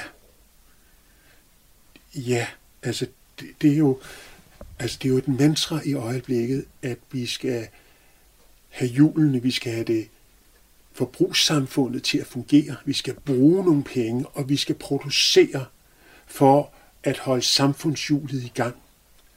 Og det vil sige, at vi får ikke set på, om det er hensigtsmæssigt, at vi har et samfundssystem, der bruger ressourcer og producerer og smider væk og transporterer sig og underholder sig og tager på verdens øh, cruise og, og så videre og så videre. Fordi det er det, der holder økonomien i gang, sådan som den er skruet sammen i dag. Hvis vi virkelig skulle sige, okay, vi tager, som i for eksempel i Bhutan, som er et land, hvor man har trivsel og øh, livskvalitet som målstokken før økonomien, så har man jo en helt anden måde at tænke samfund på Hvor er det hen, siger du? i Bhutan. Det er, Det, det er, det, var ikke der, virusen startede, vel? nej, nej, nej, Det var det er i Wuhan, Wuhan. i Kina. Så det rimer bare. Okay. så det er noget at gøre. Men, men øh, så længe vi har en logik, der siger, at vi er nødt til at stimulere økonomien øh, for at øh, få folk til at, at arbejde og så betale skat, og skatten skal betale sygehusvæsen osv. Mm. Man kunne jo også se modsat, altså tænk, hvis vi nu tænkte, altså det er et tanke- tankeeksperiment, Mm. fordi jeg, jeg går ikke ind for, at man ikke skal helbrede hver eneste sygt menneske øh, med, med kærlighed og lægevidenskab osv. Men hvis vi tænkte, at øh, vi vil hellere se på menneskets iboende evne til at helbrede sig selv, styrke dets immunsystem, styrke dets følelse af at livsfylde. De ting vil styrke i min verden sundhed og, og, og mindre stress også. Altså hvis vi så på alle de der faktorer som vigtigere end at vaccinere folk, så vil vi jo også skulle se på at ændre rigtig mange ting i de sociale strukturer og i samfundet. Men det ser man jo ikke nok på i min verden. Ja, det er godt, du lige tager den der tråd op. jeg havde gravet mig ned i noget andet. Men øh, det er jo, ja, det er jo, den skal vi jo, vi skal jo lige omkring det, altså med hele din holdning og forståelse af planetær sundhed, planetær bevidsthed, og hvordan vi så skal takle sådan noget som en virus. Du synes faktisk, altså som jeg hørte, så er det for snæversynet at tænke på den enkeltes vaccine. Men hvad er det så, vi skal tænke på? Det kan jo godt være både og. Ja. Problemet er, at vi, sådan som jeg hører politikerne, og sådan som jeg hører den almindelige, øh, de almindelige nyhedsmedier dække det her, så er problemet reduceret til, at vi hver især skal blive immune gennem vaccine, øh, så vi kan modstå virusen. Og så har jeg hørt udtrykket, der er lys på den anden side af tunnelen, så kommer vi ud igen. Mm. Men det er kun en halv løsning eller en kvart løsning. Fordi så længe vi ikke har tænkt i planetær sundhed, eller planetens sundhed, så længe vi ikke ser, at vores, mit, min sundhed som menneske er afhængig af planetens sundhed, hvordan dyr og planter og økosystemer har det, så har vi ikke lavet en forebyggelse, som gør, at vi langt ud i fremtiden kan være rimelig på højde med at løse de blandt andet viruspandemier, som vi må forvente vil komme hyppigere og hyppigere, okay. hvis vi kører ud af samme spor. Så der skal være en politik og en indsats for den planetare sundhed, såvel som vores egen. Men det er jo svært for en person og svært for en nationalstat. Det, det er jo der, hvor vi har brug for en helt anden, jeg vil sige, øh, verdensorden. Det er måske noget af det, virusen har lært os. For når vi ser på det her med at producere virus, så er det jo noget, som overalt i verden, noget man har stået overfor. Og vi har også set på, at globaliseringen har lavet en samkvem, så vi alle sammen over hele verden, alle mennesker kan blive smittet af det samme. Og vi har også set, at i de lande, hvor vi har i hvert fald en stat, som tager ansvar for nogle ting, som i Danmark, der kommer vi jo igennem den her coronakrise på en anden måde end i stater, eller øh, sted lande, der ikke har en stat, der kan organisere noget, for eksempel Brasilien eller USA, hvor man har et meget mere liberalistisk, klar det selv øh, tilgang, end her, hvor vi trods alt har et, et velordnet struktur og mm. tillid til, at vi har en social orden i samfundet, hvor vi står sammen om nogle ting. Så jeg, jeg tænker, at noget af det, vi kan tage med os fra ja. covid-19, ja. Ja. det er en viden om, at denne her ultraliberale forestilling, at konkurrencen i mm. samfundet, markedet kan klare alt, mm. Mm. den er kommet til kort. Mm. For hvis ikke vi havde en eller anden form for verdenssamfund, øh, FN's institutioner, hvis ikke vi har i hvert fald en, en stat og et sundhedsvæsen, der koordinerer nogle ting, så kan vi jo, øh, så kan det jo, falder samfundet jo sammen i den, enkelte, den enkelte skam for at få en vaccine eller tilregne sig så meget øh, gods og guld, som man kan betale sig for at klare sig selv. Så jeg tænker, at ja. vi bliver i hvert fald provokeret på, hvor vidt vi tror på ren en markedsmæssig liberalistisk ja. løsning på også det, der er den type problemer i verden. Altså, og vi kan ikke løse klimakrisen, vi kan ikke løse biodiversitetskrisen, vi kan ikke løse sundhedskrisen, uden at vi tænker i internationalt, øh, globalt politiske. Øh, og politisk samarbejde. Mm. Men det betyder ikke, som enhver læge i sit løfte giver, at vi skal hjælpe humant øh, andre mennesker, hvor vi kan. Men vi skal ikke, også hjælpe, skal vi skal også hjælpe, mm. og det er jo der, hvor vi så kan begynde at snakke dyr. Vi skal mm. også i min verden hjælpe dyrene, mm. altså vi kan planterne. og planterne. Altså vi, der, der tænker jeg, at dyr og planter, planter også har en rettighed. Der kom du til at sige patter. og jeg så kigger over på sådan en engel, du har hængende. Er det ikke fri bryster, det der? Jo. Det er, jeg tænkte, at det mig, der laver en sangoverførsel. Øh, ja, det er en kunstner, en kvinde, der har lavet en, en engel, som, øh, Øh, Det er den frie natur. Ja, ja. ja. Men det er jo igen en etisk diskussion, om mennesket har en helt særlig fortrinsret på denne jord, eller om svinene har en rettighed, og hvilken rettighed har de? Øh, hvilken rettighed har dyr? Hvilken rettighed har vi til at gøre med dyr, hvad vi vil? Mm. Altså det er jo sådan en kæmpe diskussion. Altså der er jeg jo så på den side, at, at, at vi øh, dels har vi trængt for voldsomt ind på dyr og planter. Vi har udryddet for mange. Mm. Vi giver vi producerer på en måde, som mishandler dyrene. I hvert fald giver vi dem nogle meget, meget usle vilkår i de gængse øh, produktionsformer, og vi kan ikke tillade os at tage livet af noget, uden det har et væsentligt formål, som ja. vi har overvejet og synes, vi etisk skal stå indenfor.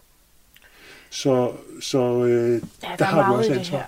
Der er meget i det her, og det er som jeg siger med, der er også altså det, vi har lært af 2020, eller hele altså krisen, og det, hvordan, altså jeg hørte om det første gang, apropos det med at kede sig, en der fortalte mig om noget, der var sket i nyhederne med en eller anden virus, og jeg tænkte bare, ja, skal vi snart snakke om noget andet? Så jeg havde jo ikke nogen fornemmelse af, hvordan det kunne påvirke mig. Nej. og, det, og det i sig selv måske kun at være optaget af det, hvis det kan påvirke mig. Det kan man diskutere, hvor godt det er. Men altså, vi har jo i hvert fald fundet ud af, hvor meget vi bare hænger sammen. Ja. Altså gennem den luft, vi Ja. trækker ind i os hele tiden. Man kan sige, her til lands fik vi nogle advarsler med Ebola og SARS. De nåede jo ikke til Danmark. Mm, nej, Men det gjorde covid-19. ja. Og det har det vist sig, at øh, lynhurtigt. Og de nye mutante former, der går Mm. nærmest ikke en dag, inden vi hører, at nu kommer der en ny type det ene sted fra i verden, og det andet sted, og den ene er mere effektiv end den anden. Så det, og, og, og vi skal jo være glade for, så længe det kun er, at de smitter mere. Hvis de også muterer, så de gør os mere alvorligt syge, Nå, det er det, Eller- man skal holde øje med. ja, det er det, der er det farlige. Aha. Altså, øh, hvis, hvis det virkelig er, at de muterer på en måde, så eksempelvis, at dødeligheden bliver større, Mm. eller at øh, de i vide udstrækning også får konsekvenser for børn og unge. Altså, jeg er jo trods alt glad for, at, at det, det, det er kun, i gåsøjne, kun ældre og svagelige, Mm. øh, det går ud over, og ikke børn. Ja, altså, ja, jeg det siger du. tænk, tænk som ja, barn, Ja, nej, nej, nej. hvis at, at, at de skulle vide, at, øh, at de selv var i stærk risiko for. Ja. Ja. Altså, altså, og der skal vi jo bare være dybt taknemmelige. I min ja. verden, ikke? Ja, ja, ja, ja, ja. Altså, vi, ja, jeg, ja, der ja. er, er 65 år, jeg har fået lov at leve. Øh, og, øh, og de undersøgelser, hvis man ser på generne, hvor lang tid et menneske fra naturens side mm. egentlig er beregnet til at leve, så er det jo ikke 65 år som jeg. Jeg ved det hos tandlægen. Altså, når jeg kommer ind der, så må jeg have altså en krone på her og der, fordi mine tænder er der bare ikke beregnet til at skulle blive 65 år. Er man ikke beregnet til at leve sådan 80? Nej, det er man ikke. Hvis, altså, videnskabsmænd siger, at hvis vi ser på vores gener og mennesket som biologisk væsen, Ja. så længe vores organer holder, så længe vi er sunde og raske, så længe vi, vi gør, så har mennesket en alder på i naturen på 38 år. Det er det, vores organer og vores krop øh, egentlig øh, kan klare. Altså fra Bibels, i Bibelen, der bliver de jo meget gamle. Så bliver de måske sådan 800 år. Eller i hvert fald 300. Jeg kan ikke helt huske præcis tal, men flere hundrede år dengang. Ja, ja det, øh, det må stå for, for bibelskrivernes Altså det tror du ikke er rigtigt, eller? Blev man ikke det i gamle dage? Sådan meget gamle? Altså, i, hvis vi ser, altså nu, øh, altså i, hvis vi ser på arkeologi, Ja. så døde man jo, altså hvis, dødeligheden blandt børn var enormt stor tidligere, ikke? Jo. Og først man blev voksen, så kunne man, så havde man større chance for at overleve. Men i mange øh, natursamfund, der, der bliver man ikke ældre end, så kan der være nogle få, der bliver rigtig gamle, ikke? Men 38 år, så begynder organerne og kroppen efter øh, der at blive stille og roligt svækket, og, og sygdomme kan hurtigere indfinde. Det er og også så meget sværere for børn efter det, ikke? Ja. for, for Ja, det er- kvinden er det også meget sværere for børn efter. Det som i dag, altså øh, UNICEFs seneste prognose for børn, der fødes i dag, det er, at de bliver over 100 år i Danmark. 102 år. Det Og skønner det siger man. du, det er vi simpelthen ikke gearet til. Der er noget i vores Ikke biologisk. organisme, biologisk, vores biologi er ikke lavet til det. Nej, det er den ikke. Det er jo i kraft af, at vi kan Ej. få nye hofter, og vi kan få barber, øh, plomberet vores tænder, eller, og, og, og vi kan øh, blive vaccineret, og, og vi kan tage hjertemedicin, og Jamen, er vi kan blive noget... opereret, og vi, Jamen, det det, er er jo, se det. Er jo, det er jo noget. Vi er jo ikke egnet til at være i live overhovedet, Lasse. Altså, Jo, vi, jo. vi, vi, Men de der er da fleste noget- af os burde dø ved en virus, fordi der er for mange af ja, os. ja, lige præcis. Altså, det er jo biologiske. Og, og, og jeg har det sådan, og det er jo så dybt personligt. Jeg synes, det er smukt at give plads til vores børn og vores børnebørn. Det var det, som øh, eskimoerne, eller inuiterne kalder vi dem i dag. Når de blev gamle, så gik de ud i fjellet. Nu er jeg, jeg er gammel, nu har jeg fået børn, mine børnebørn. Jeg kan se, de lever videre. Men du har Øh, fået jeg takker- børnebørn som 38-årig. Ja, det kan, det, det, Kan man, det kan man jo, næsten ikke det, at få. tidligere fik man jo, altså i de fangersamfund fik man jo børn meget tidligere. Jeg synes, det er meget mærkeligt, at vi er lavet til sådan noget. altså, hvis vi, hvis Det er jo vores, biologien. Vores biologi Kan er simpelthen så lavet kan til at vi- blive gift som 14-årig. Ja, øh, blive gift, øh, eller... få reproducere børn, os. øh, Ja, reproducere os, ja. ja. Ja. Altså, det, er- det er jo klart, at vores, vores krop, altså en kvindekrop på 20 år, er jo meget mere biologisk set velegnet til at få børn, Ja. end en krop på 38. Mm-hmm. Men i det her samfund, hvor vi lever, hvor vi har uddannelse, og hvor vi har rigtig meget kultur og mm. læring og mm. modenhed osv., der er det jo væsentligt mere krævende at være forældre, ja. end et stammesamfund, hvor man havde søskende, og man havde... Og man gjorde, som man gjorde. Ja, man havde socialer, man havde tanter og brødre, mm. og, og, og det er jo det, nogle af de der... Okay. Øh, der findes en, en bog, der hedder Continuum-begrebet, mm-hmm. der beskriver, hvordan øh, en- kvinde, der har taget ud blandt indianere i, i Sydamerikas jungle, og undersøgt, hvordan de lever, og hvor øh, hun oplever, at, at børnene er bare glade og trygge, fordi der altid er nogle øh, jævnaldrende, eller ældre søskende, eller kammerater, eller andre voksne mm. til rådighed for børnene. Ja, det kunne det. Øh, og, og det vil sige, at vi kan jo ikke sammenligne den måde at leve på, Nej. med, med den måde, vi lever på i dag. Altså, vi må hellere til at tage en pause, som du nævnte tidligere. Øh, skal vi ikke gøre det? Jo. Fordi øh, jeg skal jo heller ikke udmatte dig. Der er jo meget mere, jeg gerne vil vide. Men altså, og ja, ved du hvad? Ved du hvad? I går, hvor efter jeg havde skrevet til dig med det her oplæg, og jeg havde skrevet, kan vide, om vi skal holde en pause, eller om vi skal lave det som en lang. Ved du hvad? Lige efter det, så skrev der en lytter, som ikke har skrevet til mig før, som hedder Julie. Og hun, sk- fordi jeg spørger i en, i en anden for tilbage sidste år, i 2020, hvor jeg lavede en lang en, øhm, om en, der er gået af Jehovas vidner, den blev ret lang. Og så, jeg tror, det var der, jeg spurgte, hey, hvad synes I om de her lange, øh, hvad, altså, må jeg det, eller hvad, hvad det? Og så skrev hun bare, jeg elsker det, jeg suger det ind. og, og det, hun, det, det sjove var, at hun skrev lige der, hvor jeg selv sad og tænkte på, om, om det var det ene eller andet. Ja. Så det kunne jo godt være, at øh, vi bare skulle opfordre lytterne til en lille pause nu, og så, øh, og så tænde igen. Jeg synes, det er fedt at eksperimentere, Ja. og det er fuldstændig uhørt et medie over lang tid. Og det, noget af det interessante, det er jo, at jeg kan se salget af min bog, mm. at der er mange, mange flere, der kører lydbøger end den fysiske bog. Ja. Og rigtig mange er glade for at gå og fordybe sig time efter time mm. i lydbøger.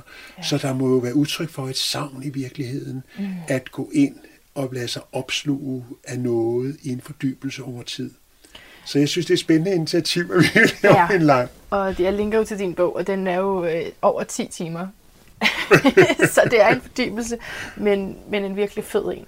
Så, så ligesom man har lyst til, når man lytter til, til din bog, så kunne man måske nu lige tage en pause i naturen. Det kunne man gøre. Ikke? Det kunne man gøre. Jo. Og så kunne vi øh, lige mødes igen her om lidt. På grund af Julie, min lytter, den eneste lytter, som har svaret på lige præcis det der spørgsmål med, om jeg må lave lange afsnit. Øh, på grund af hende, så laver vi en lang Ja. som øh, hvor vi kunne sige, at øh, først, det, vi kan også- lige præsentere vores setting, det nåede jeg ikke først, men altså fordi vi sidder, jeg sidder i, hvad er det, din seng eller sofa, eller det begge Det er dele, det hele. ikke? Alt er multifunktionelt her. Det, Det er er, alt- tiny house, hvor Ja. ja. alt har flere funktioner. Og det decideret tiny house, det er jo meget moderne. Ja, det, det er jo først nu om dagen, jeg kan kalde det det. Men det er jo gået op for mig, det er det. Det er jo tiny house. Og så jeg har bare udsigten her over, hvad er det her? Kalundborg Fjord. Kalundborg. Rysnes, Rysnes Tangen og Kalundborg Fjord. Røsnes. Ja. Øh, havet. Fuglene. Jeg kan se spejlingen af brændeovnen, og så har du den her engel med, øh, altså ingen BH og heller ikke noget tøj udover. Det er også meget fint.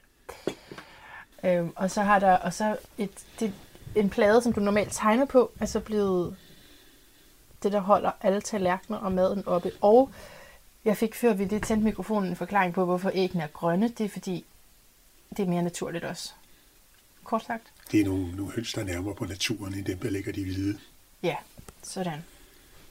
Så det er altså sætningen, vi sidder i, hvor vi øh, har startet med at tale i hvert fald ind i, hvorfor pandemien hænger sammen med måden, vi er i naturen på. Det skulle hedde øh, konsekvenser af en rationel verden. Et verdensbillede i stadig forandring. Det er vores titel. Så det kunne være, at vi stadig har noget til det. Ikke også? Det er bare sådan, jeg har det. Jeg har, vi har stadigvæk noget til det. Men ellers så går vi også videre til at tale om i det hele taget længslen efter den tabte natur. Og hvordan man kommer tilbage på sporet af sig selv. Det er jo alt sammen titler, jeg sådan har fundet i din bog. Ja. så jeg er ikke helt selv fundet på dem. Men øhm, altså, så i, og i pausen her, hvor vi har holdt en pause, der var vi ude og lave en, lidt naturterapi, ikke? Ja. Vil du fortælle, hvad synes du, hvordan synes du, jeg klarede mig? Sige noget om det. Det var jo skønt, som du øh, turde mærke dine egne grænser. Der var flere ting i nogle af de steder, vi bevægede os i uvejsomt terræn, og med et vejr, hvor det begyndte at havle, og så ja. Der var flere punkter, hvor du, jeg oplevede, du møde, du mødte noget, som øh, var uvandt, og som du var parat til at mærke, hvad der gjorde ved dig. Og vi prøvede at spænde med nogle små øvelser fra det at lægge sig ned og spænde af med en lille kort guided meditation Mm. i en hulning i en bakke, hvor det ellers blæste og snede omkring os. Og så til den brusende strand, Mm. og du blev sendt ud på en lille opgave med at finde dit eget sted, eller rettere sagt, give naturen lov til at vælge et sted for dig. Ja. Gå hen et sted, hvor du følte, at naturen valgte dig, og sidde der med en lille opgave, falde ind i dig selv og konkludere, at det at tage en pause i naturen bibragte dig glæde. Ja. Det er en erfaring, du har med dig, Ja. og som jeg forstod på, der var vigtigt at prioritere Ja, absolut. I dit liv. Jeg længes efter natur.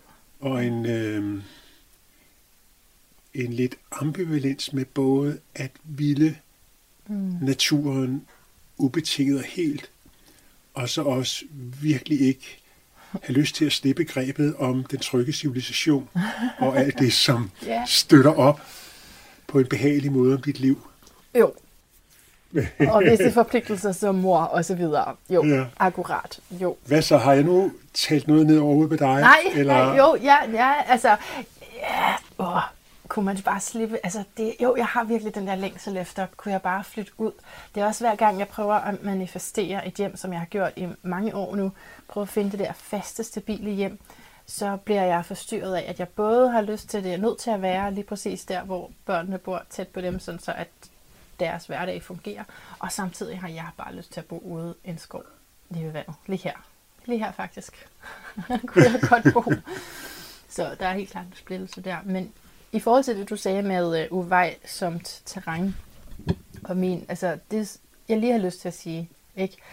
Og også tror jeg, at vi kan også relatere det til grund til, at jeg er så interesseret i den her biologi eller evolution, som du taler om. Det er, at jeg er opvokset sådan...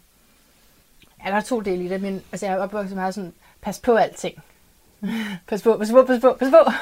Ikke? Ja. hjemmefra. Så derfor er jeg sådan meget selv pas på i naturen, og jeg synes også, jeg har også erfaret, at min krop er ret skrøbelig. Kan godt, det kan godt gå galt jo. Og den anden del af det, at jeg er også opvokset sådan øhm, meget religiøst. Ja. Så jeg er kommet ind med et verdensbillede med, at altså ikke noget med aber. Nej, altså øh, indre missionsk... Ja, det ja, kan du sige. Ja, ja. det har det også været. Ja. Er det så en, en holdning, du abonnerer på stadigvæk? Nej, det Nej. er så der, hvor jeg startede den her podcast i 2016, der er jeg officielt gået ud af min sidste kirke. Jeg både, havde både kommet, øh, altså jeg, både, jeg havde været ude før det i sådan fem år, og så kom jeg tilbage ind Nå, i et par år. ja. Så det var sådan, det kan man godt kalde en ny quest, den her Ja. podcast, Ja. uden for det miljø.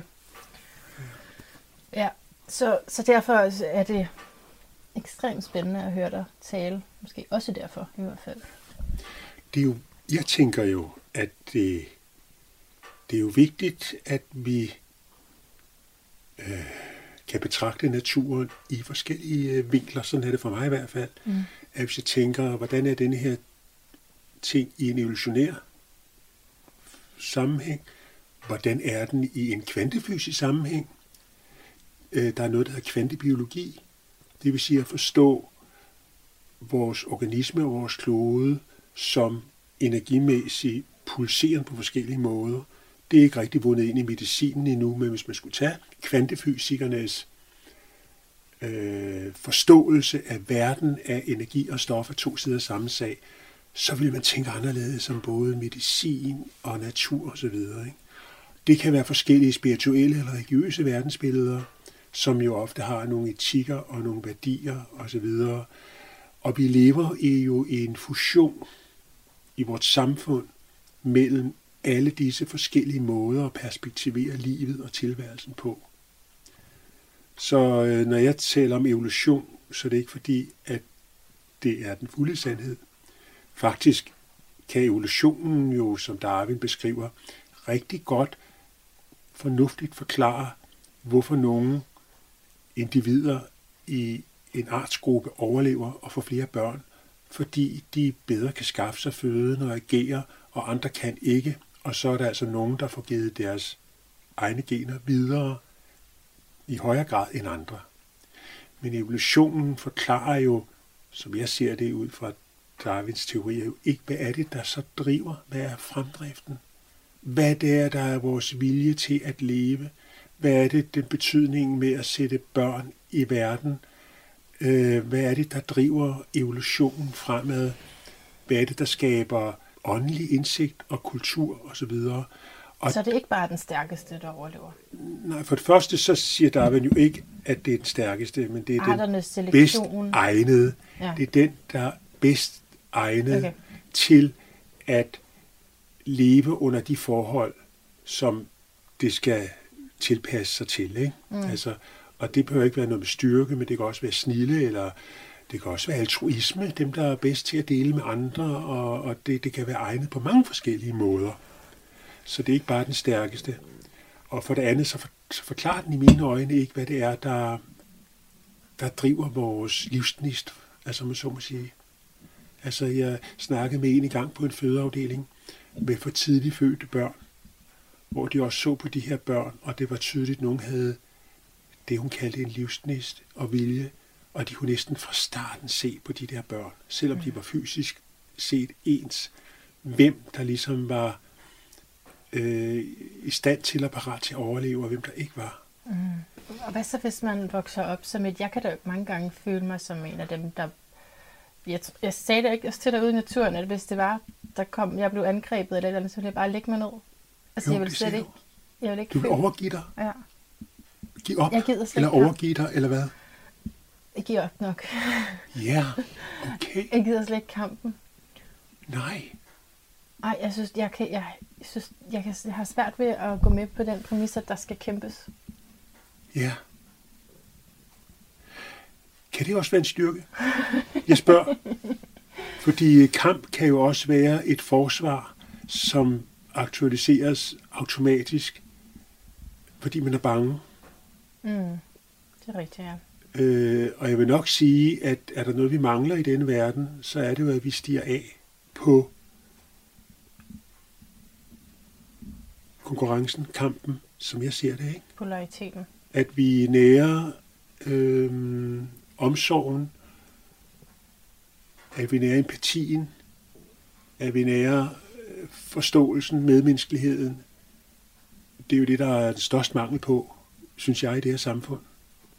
Så at kunne være det sted, er måske også en styrke, Jo, eller hvad? Jo, det var bare ud fra det der billede af, at man, altså man faktisk kan inkarnere og komme som baby, og allerede der, altså, altså helt fra starten, ikke være egnet til livet.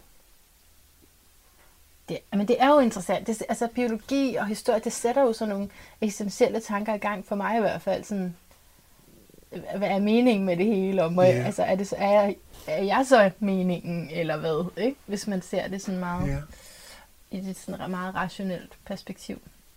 ja. Hvad driver dig til at sidde lige her nu? Kommer terapeuten op i dig? Øh, nej, Nej. jeg er også, også Ja. nysgerrighed. Ja. Du, får, øh, du tjener ikke en krone ved at sidde og lave interview og mm. sende ud og har dyrt udstyr, du har investeret i. Mm. Det er dit hjerteblod, mm. det er dit idealisme, det er din tro på, at det her, hvis jeg skal have et meningsfuldt liv, så skal jeg og, og være betydningsfuld mor og for andre, så er det her essentielt vigtigt for mig. Ja. Og det er jo, hvad er det? Hvad er det for en drivkraft? Det kan vi ikke sætte ind i en darwinistisk ligning med, at så er du nok bedre egnet til at leve, eller hvad?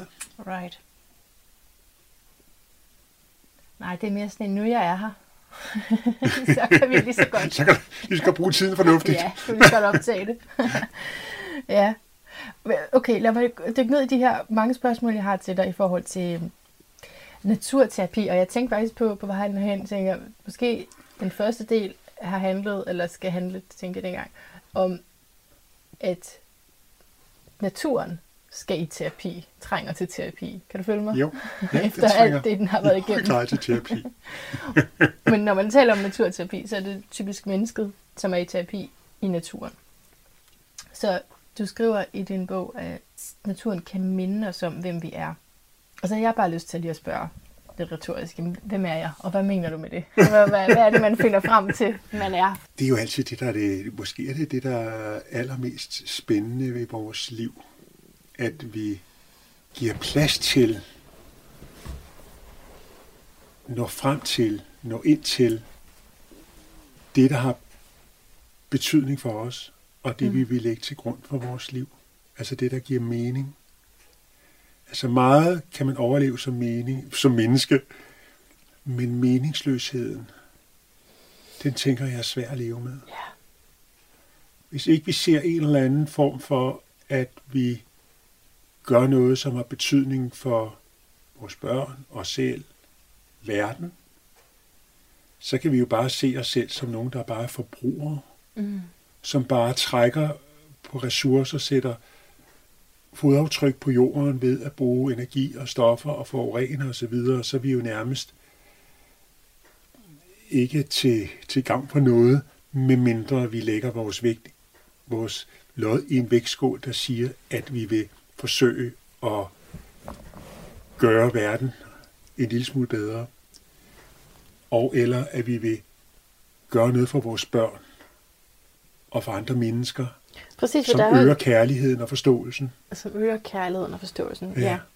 Fordi når vi talte om før med, men altså faktisk, når du er 38, så er din krop ikke... Øh, altså, så er det et forfald derfra, og du skal til at have kroner i og falske knæ og sådan noget. Men s- det, det er ret deprimerende. Og så er det, du så siger, den menneskelige dimension handler om at finde meningsfuldhed. Ja, altså, øh, jeg tror, det grundlæggende, der er mange, vil være enige psykologer i, at hvis, hvis man taber fornemmelsen af, at der er en mening med ens liv, så er der mange funktioner, som, bliver, som, som ligesom ophører. Ikke? Men når du ser på naturen, og når du ser på den krise, vi er i, pandemien, er der så mening i det? Peter Bastian, Ja.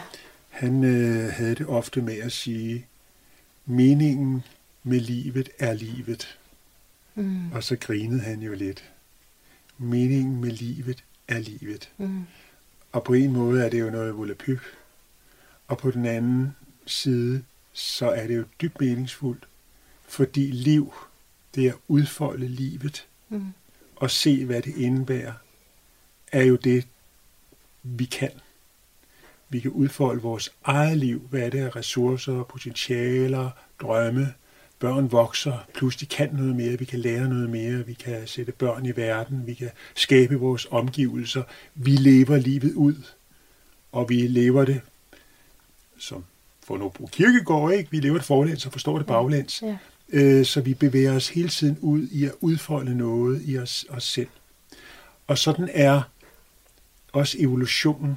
Evolutionen udfolder sig jo også med nye former, hvis den ellers får lov, og så videre, så udfolder den også. Og det vi kan se, når vi kigger tilbage på evolution, det er, at den har jo udfoldet sig i større, større og større variation. Altså fra, at vi har været sådan nogle små encellede øh, organismer i et eller andet øh, hav, til vi sidder herover for hinanden og kan kommunikere. Øh, der er jo øh, sket en fantastisk udvikling. Og hvis vi tænker i, og så det er jo så der, hvor jeg også, det hvor, hvor min egen forståelse er, at, at ved siden af den fysiske evolution, udover det, at vi sidder her som nogle kroppe, mm. nogle organismer, så er der også en, vi kan kalde det en åndelig evolution. Ja.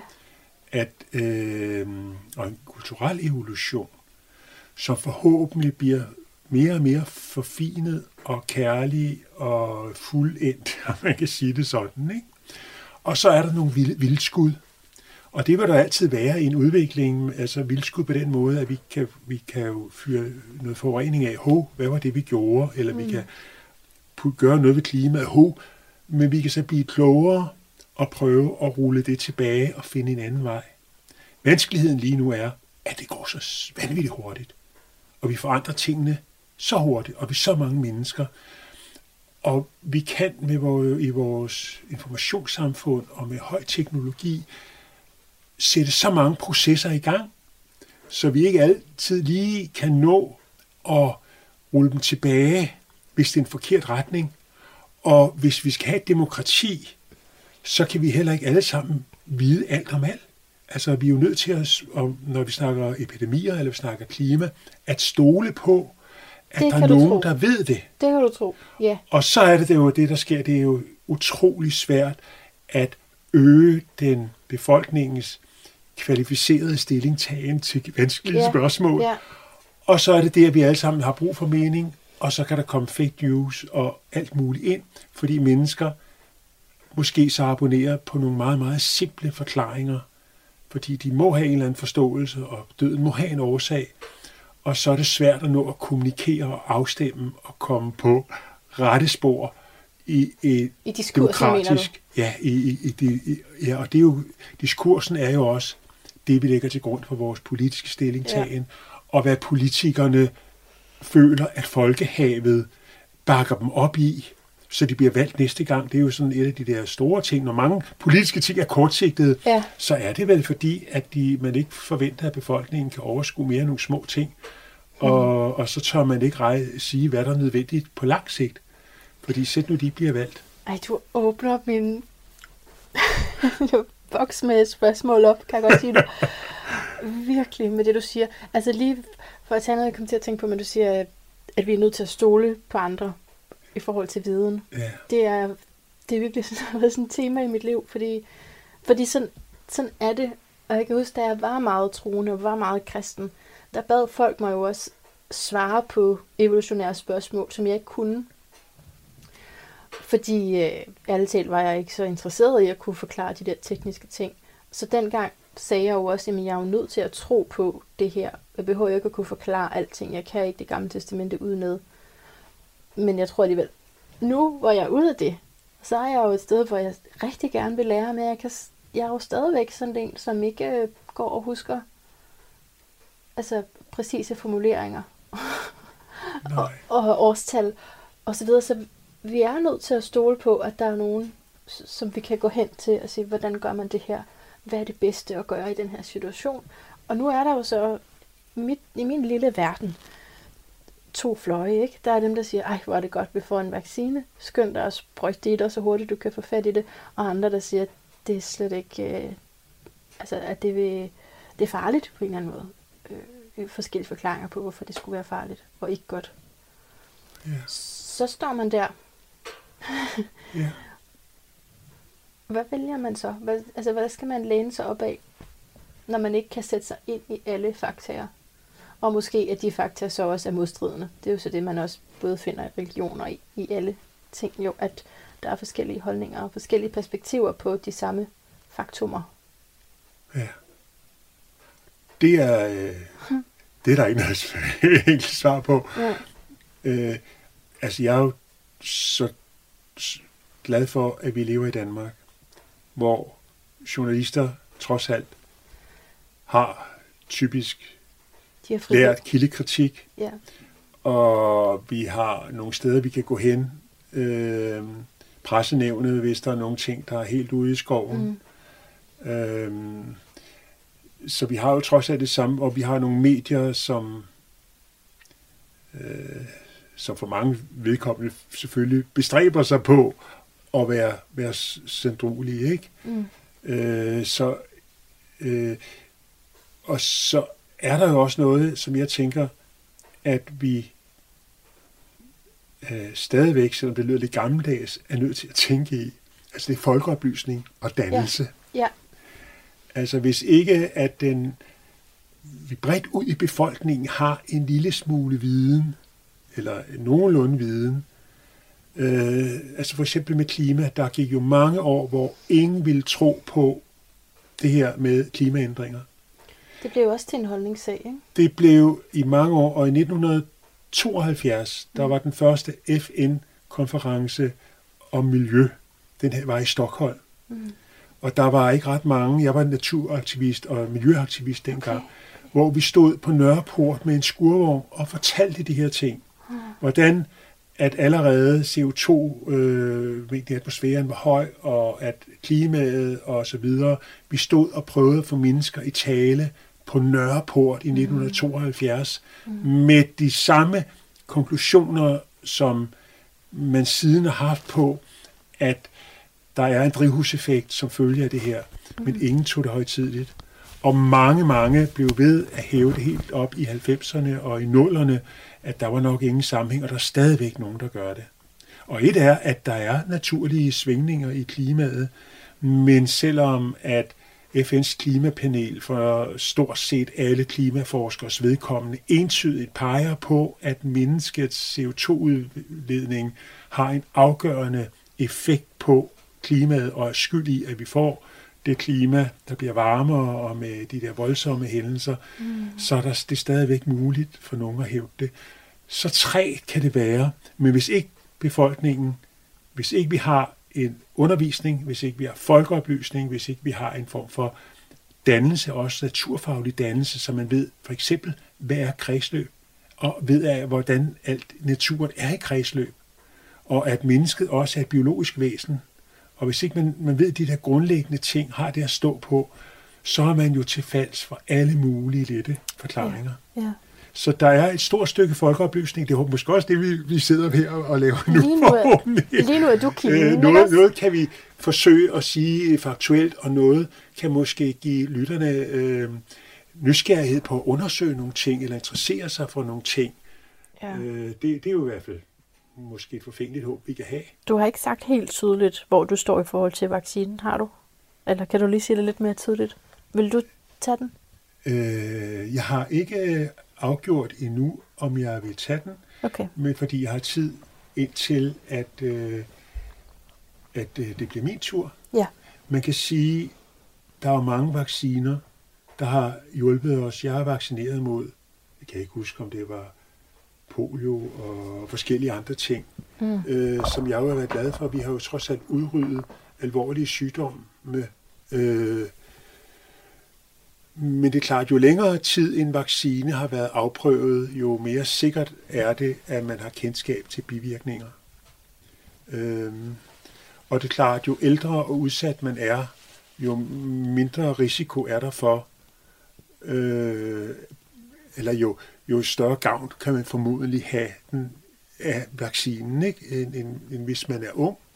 Og, og, øh, så jeg er afventende, men jeg abonnerer ikke på de der, øh, som jeg har set nogle steder, ikke? At, at, at jeg tror, at øh, corona er lavet i et eller andet laboratorie, fordi nogen vil have magt over os og, øh, og så videre. Nej. Det er klart, at vi har et kapitalistisk samfund, hvor det er medicinalindustrien, der nu også ser en mulighed for at score penge på det her. Og det er jo sådan, samfundet er. Mm. Men jeg tror ikke, at den er, er skabt, og det er fake, og, øh, og, og de der ting, det tror jeg ikke på. Nej. Og, øh, Nej, fordi du ved jo så også, at det er en naturlig udvikling. Viruser. Ja, ja, ja, det undrer mig overhovedet ikke, at de der virus, kommer. Jeg tror ja. ikke, det er et eller andet laboratorie, og nej, nej. Bill Gates, der har, og alle de der konspirationsteorier, nej. der er inde over. Mm. Altså, og det, det ser jeg er stort. Det, det er trist, uh, fordi det bygger jo nok på folks angst og manglende viden, og, og der giver grobund for, at man kan lave mange forskellige konspirationsteorier. Men Ja. Ellers så vil jeg afvente og se, øh, okay. er, der, er der bivirkninger. Og nu tror jeg, at, at jeg har et, et godt immunsystem. Ja. Og det er jo, det kan man sige generelt, øh, har stor betydning. Ikke? Ja. Hvordan spiser vi? Hvordan mm. sover vi? Hvordan bruger vi naturen? Er vi stresset eller ej? Mm. Øh, og der, der tænker jeg, at jeg vil langt hellere forebygge ved at have en sund krop, mm. end at øh, forsøge at hvad kan man sige, fikse nogle ting med, med medicin. Ja. Ja, så jeg vil godt tale om det her mikrokosmos og makrokosmos, som vi også taler om i astrologi meget med, hvordan det hele afspejler hinanden i det små, i det store, udenfor, indenfor og oven for neden. Ikke? Ja. Og vi havde talt om, at du måske skulle læse noget op. Vi, vi kan da godt sige en afveksling. Skal vi, skal vi læse lidt? Ja, ja. ja Og, og, og hvad historien er, at du har hørt den som lydbog, ja. og så lige præcis det sagde du, det må vi lige se, om vi kan finde i bogen. Ja. Og så har jeg fundet det, og øh, se en afveksling for lytterne. Ja, ja det er en god idé. Fordi det, det, det er måske lidt mere blødt, end øh, de der meget koncentrerede udsagn, vi ellers kommer med.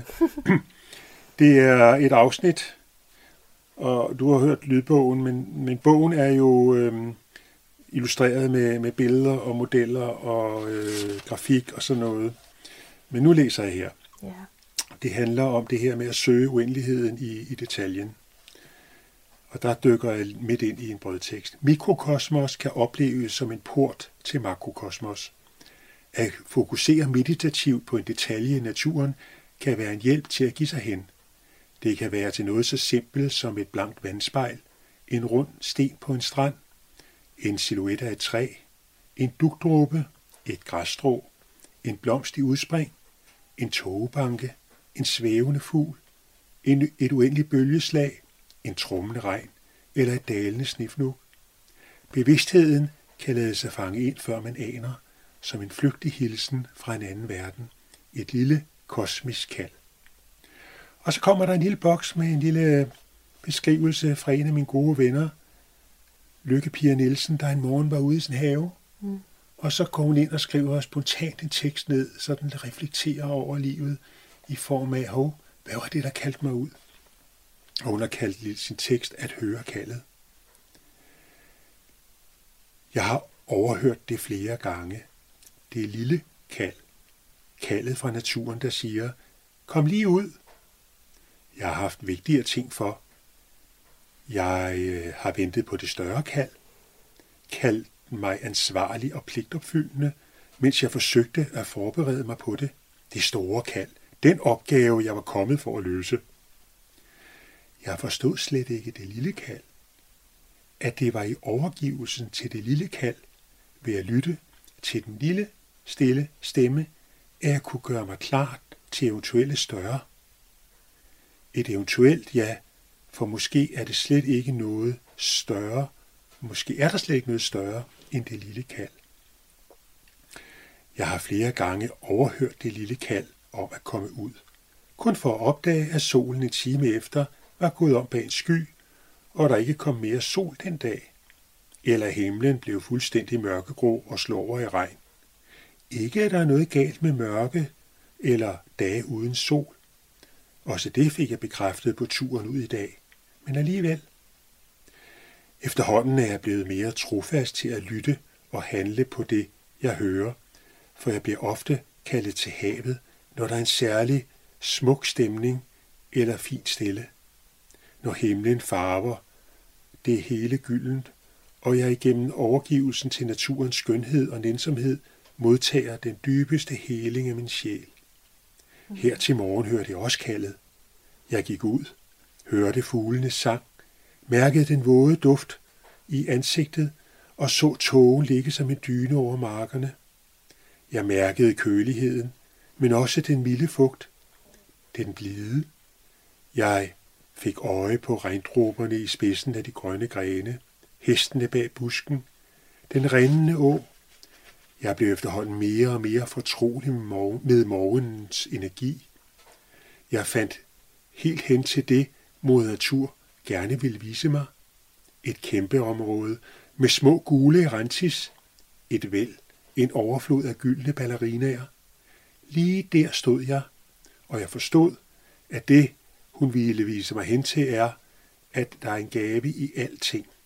At det altid er muligt at finde lys og opmundring, hvis man vil at mærke er indstillet på at gøre en indsats for at finde det. Det vidste jeg godt i mit hoved, men nu blev det en virkelig sanset og kropslig oplevet erkendelse. Mm. Mit blik blev mere klart. Resten af vejen så jeg ikke længere togen, men kun de nye spiger, der var på vej frem overalt. Jeg mærkede glæden indeni og følte mig opløftet. Glæden over storheden i de små ting, det nære, at kunne gå i eget tempo. Jeg bliver mere og mere sikker på, at der kun er én måde, hvorpå vi kan opnå virkelig storhed. Det er ved at overgive os til det samspil med naturen og universet, der hele tiden byder os op til dans, når vi vælger at lytte. Det er noget, vi skal lære. For selvom det er en medfødt evne, ligger den godt hengemt og begravet hos os, de fleste af os i hvert fald. Men den er der. Måske er den også ved at vågne i dig. Måske kan du også høre kaldet. Det lille kald. Mm. Jeg tror, du kan høre det, hvis du vil. Ja, der bliver kaldt på dig. Hvorfor var det egentlig, at du ikke selv øh, læste den bog op som lydbog? Det er en anden en, der læser op. Og det er Gyldendal forlag, der... Nå, det kan man ikke selv vælge? Muligvis. Ja. Men øh, skuespillere er jo professionelle til det. Jo, jo. Og de kan også øh, holde øh, distancen, ikke? Hvis det er 10 timer oplæsning, og hvor man ligesom skal holde øh, det samme øh, tonefald, intuition jo, og så ja, videre. Okay, ja. Så der, det kan godt være, der skal noget professionalisme til. Ja. Ja, ja, ja. Og det Men jeg foreslog faktisk, at jeg kunne læse, der er jo nogle guidede meditationer oh, ja, og øvelser, dem kunne jeg læse ind. Men det var for teknisk. Det var for teknisk. Øh, så det... Det var også en god det, idé. Ja. Ej, hvor sneen daler der udenfor. Ja, det gør den. Altså, ja. Så har du noget, du vil sige til det her Jeg afsnit? kunne godt tænke mig måske lige at perspektivere det ja. øh, lidt. Ja, meget gerne. Øh, fordi øh, i det lille kald, mm. hvordan kan det lukke op? Og hvorfor er det lille kald måske primært i forhold til et muligt stort kald? Ikke? Mm. Og der tænker jeg, at, at Østerlændingene kan noget. Øh, man har begrebet mantra, ikke, som er en, en altså det kan være en, øh, øh, ja, en gentagen lyd, der er så simpel, mm. men den kan fange ens koncentration, opmærksomhed, nærvær, og derved som det primære lukke alle andre tanker ude. Det vil sige, at man minimerer sin genstanden for sit opmærksomhed til noget, som er så enkelt og småt. Mm. Så det er det meget lille, man kigger ind på. Men det åbner så også til, at man kan komme ind i nogle tilstande af, af væren, af nærvær, af vågenhed, opmærksomhed, som jo er en udvidelse til altet. Altså hver gang vi sætter sprog på noget, så reducerer vi jo øh, det, vi oplever. Fordi sprog kan kun være bæret af nogle få pointer ad gangen. Hvorimod den totale oplevelse af alt, ens tilstedeværelse, ens nærvær, omgivelser, alt hvad man rummet, alt hvad der er i tid, alt hvad der er indenfor og udenfor, det er jo en total oplevelse, som kan udspringe af at gå ind i den lille intethed, det lille tomrum, som kan skabes ved et koncentrationsobjekt i form af et mantra eller et, et yantra. Et yantra, det er ligesom en mandala, altså et billede, man kan kigge på, mm. som er så enkelt en lille prik eller en lille enkelt billede, som øh, samler ens opmærksomhed på et punkt, så alt andet distraherende lukkes ude, så man så bliver suget ind eller inviteret ind i, i, i makrokosmos. Altså ja, fordi det er jo min største konkurrent som tale, samtale magasin. det er jo stillheden, ikke? Det er jo altså min konkurrent der i forhold til, det er jo tit sådan, at vi er nødt til at sige, at det her er svært at formulere, og det er faktisk umuligt helt at fælde ned yes. på, på ord. Ja. Det skal sanses og opleves, ikke? Lige præcis. Øh, men vi må jo tale om det, vi kan tale om. Ja. Og interessant. Hvad sagde du? En jantræ, altså et billede? Ja, det er, så, det, det, er jo, det er jo så, det her det er i Østens traditioner ja.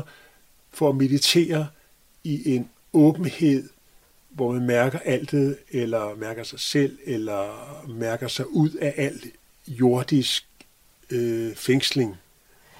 Og der er midlerne blandt andet et, et mantra eller et yantra, et billede at kigge ind i.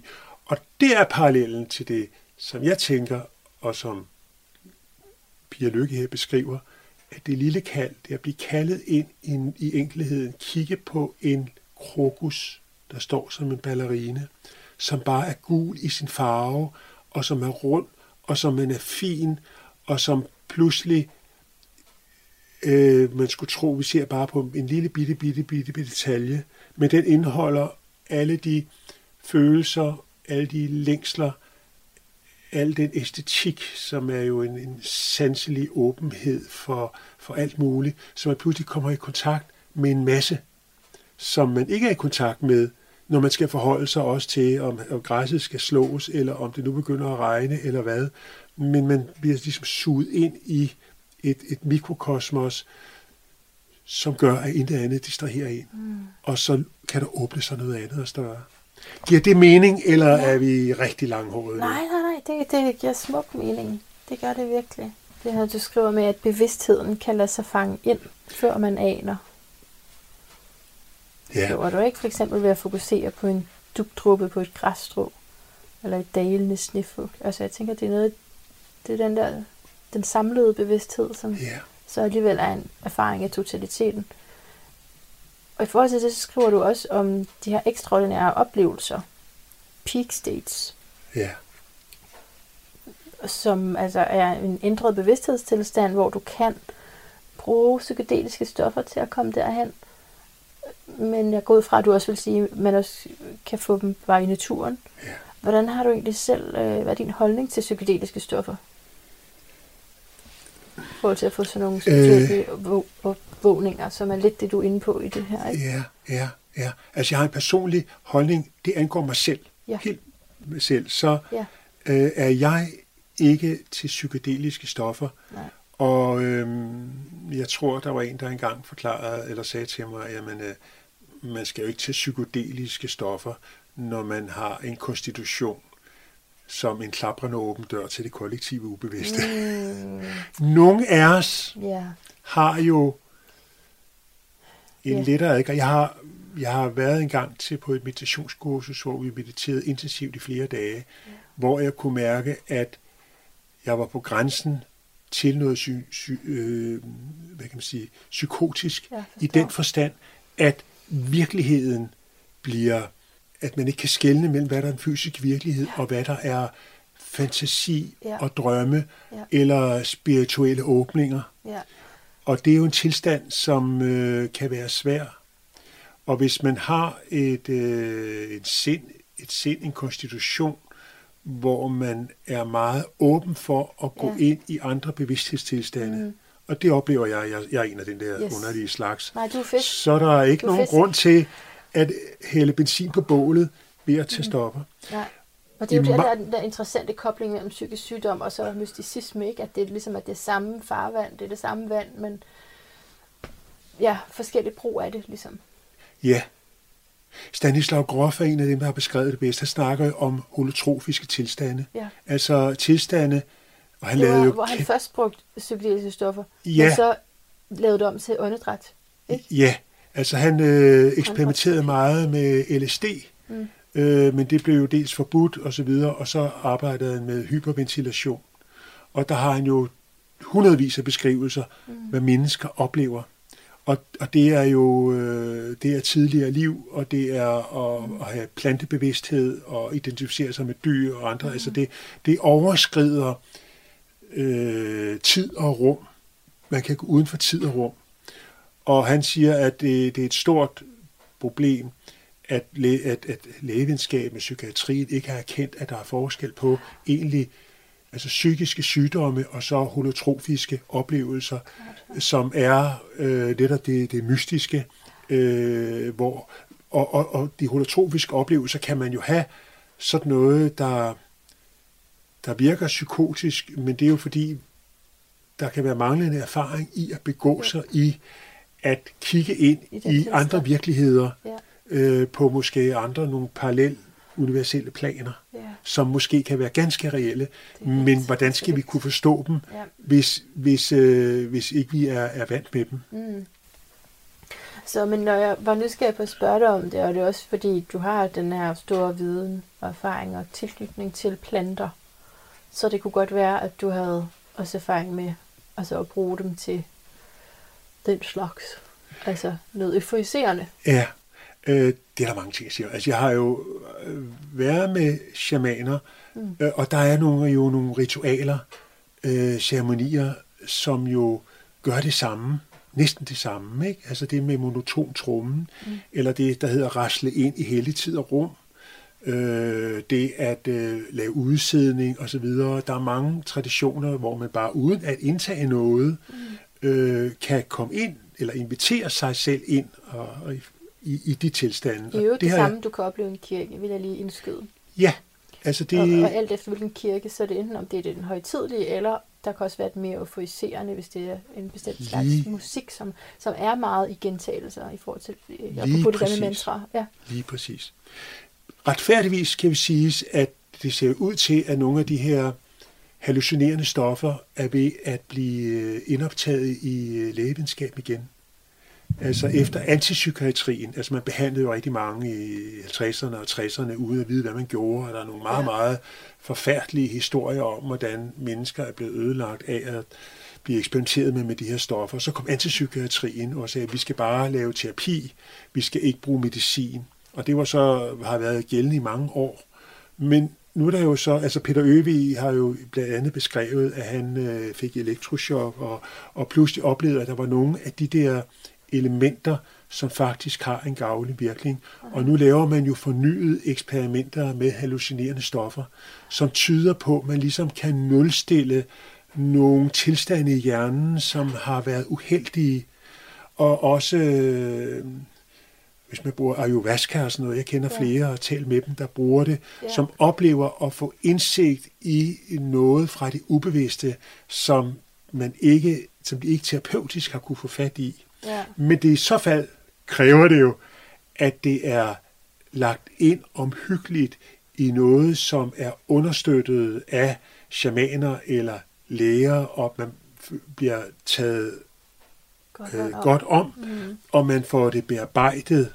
Mm. Så det er ikke noget, øh, som jeg tænker, at man skal eksperimentere vildt med, øh, fordi altså det, det, det, er jo, det er jo stærke sager. Ja, Så jeg siger ikke, at, at Nej. ingen euforiserende stoffer. jeg hører dig. Øh, Jeg, jeg, jeg- jeg siger, at, at der faktisk er ved at komme en revival af det, og, Ja. og det, det, det faktisk måske kan mere under kontrollerede Jamen, forhold. Det er jo faktisk måske en god ting, altså i forhold til det psykiatriske der. Der har også været sådan DR udsendelse om det for ikke Ja. så længe siden. Jeg har nævnt det i programmet her før, så jeg håber folk ved, hvad jeg mener. Har du, Men- har du selv erfaring? Har du selv prøvet noget? men altså jeg har prøvet for et år siden, lidt over et år siden nu, med svampe. og Ja. det, jeg griner, fordi det, altså det er simpelthen så lidt, og i forhold til folk, der bare har prøvet alt muligt, så er det meget, meget lidt stadigvæk. Ja, Jeg har lavet en YouTube-optagelse. Hvis jeg på det her tidspunkt, hvor at man lytter med, ikke har slettet den ud af bare sådan selvbevidsthed, så ligger den der stadig på. YouTube-kanalen, hvor jeg, at øh, man simpelthen hører sådan en interview først med en, jeg interviewer hende, og så øh, kan, optager vi jo ikke selve der, hvor jeg får det, men så går, jeg på, går vi på igen bagefter, hvor jeg er noget øh, konfus, ikke? Men, og så skulle jeg faktisk have været til ayahuasca-ceremoni her i den her tid. ja. Her om et par dage skulle jeg have været det. Og, øh, det- men så på grund af corona, så synes vi, der var en, det var mig en kollega, en astrolog kollega, vi skulle have gjort det sammen. Så, så synes vi, der var en grund til at aflyse det med de her restriktioner. Men det var faktisk også, fordi jeg var ekstremt bange. Altså jeg kunne slet ikke... Øh, det, var, det var mere sådan en... Jeg har hørt det fra så mange steder, der er så mange, der taler om det. Men, men personligt, jeg kan næsten ikke overskue at skulle opleve den ekstreme kvalme, som jeg fik af svampene. Jeg fik sindssygt meget kvalme. Jeg fik det faktisk primært dårligt. af de der svampe. Og det kan jeg ikke overskue at skulle opleve igen, fordi det er sådan, med alle de ting, jeg skal dagen efter, og dagen efter igen. Så, så jeg håber egentlig, at jeg i mit liv kan få lov til at opleve en udvidet bevidsthedstilstand igennem bare at være i natur og i stillhed. Og vi er begge to fisk. Det, det kunne da godt være, at der var noget i forhold til den sensitivitet, men altså, det er jo nok, det er nok lige lovligt generelt, der er sikker på, at der er mange fisk, der har der sagtens vil kunne holde til det, eller vil have fordel af den. Hvad kalder man det så plantemedicin? Det kan man godt kalde det, ja. Men, øh, og så kan det også godt være, på grund af min, min meget konservative formling, jeg er jo så stadigvæk udrustet med den et sted i baggrunden. Det kan være, at jeg også har svært ved det. Altså, at jeg, jeg er simpelthen bange for det. Men især faktisk for at blive syg. Jeg, jeg orker ikke. Jeg hader at være syg. Mm. Mm. jeg hader virkelig at være syg. Mm. ja, det er jeg bange for. Ja. Jeg tænker, vi har rigtig mange tilbud til at arbejde med os selv. Ja. Vores drømme, mm. vores følelser, vores kropsfornemmelser, mm. øh, som giver os så mange muligheder for at få indsigt i os selv. Øh, så hvis vi tager fat der, så tror jeg, at vi kan komme rigtig langt.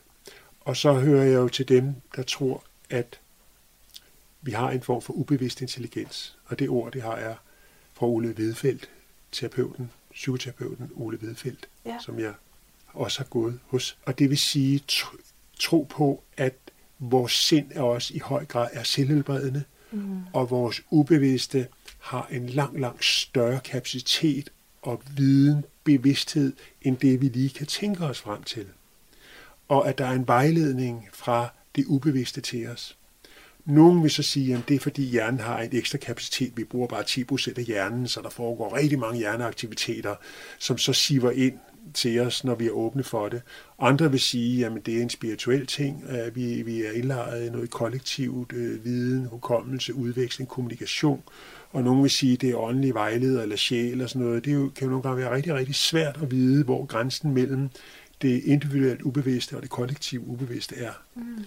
Men uanset hvad, så kan det, man kalde det, at der er en ubevidst intelligens. At vi ud over vores bevidste viden kan støtte os til den ubevidste intelligens, og den ubevidste intelligens ved, ved bedre, ja. end hvad vi kan tænke os til. Ja.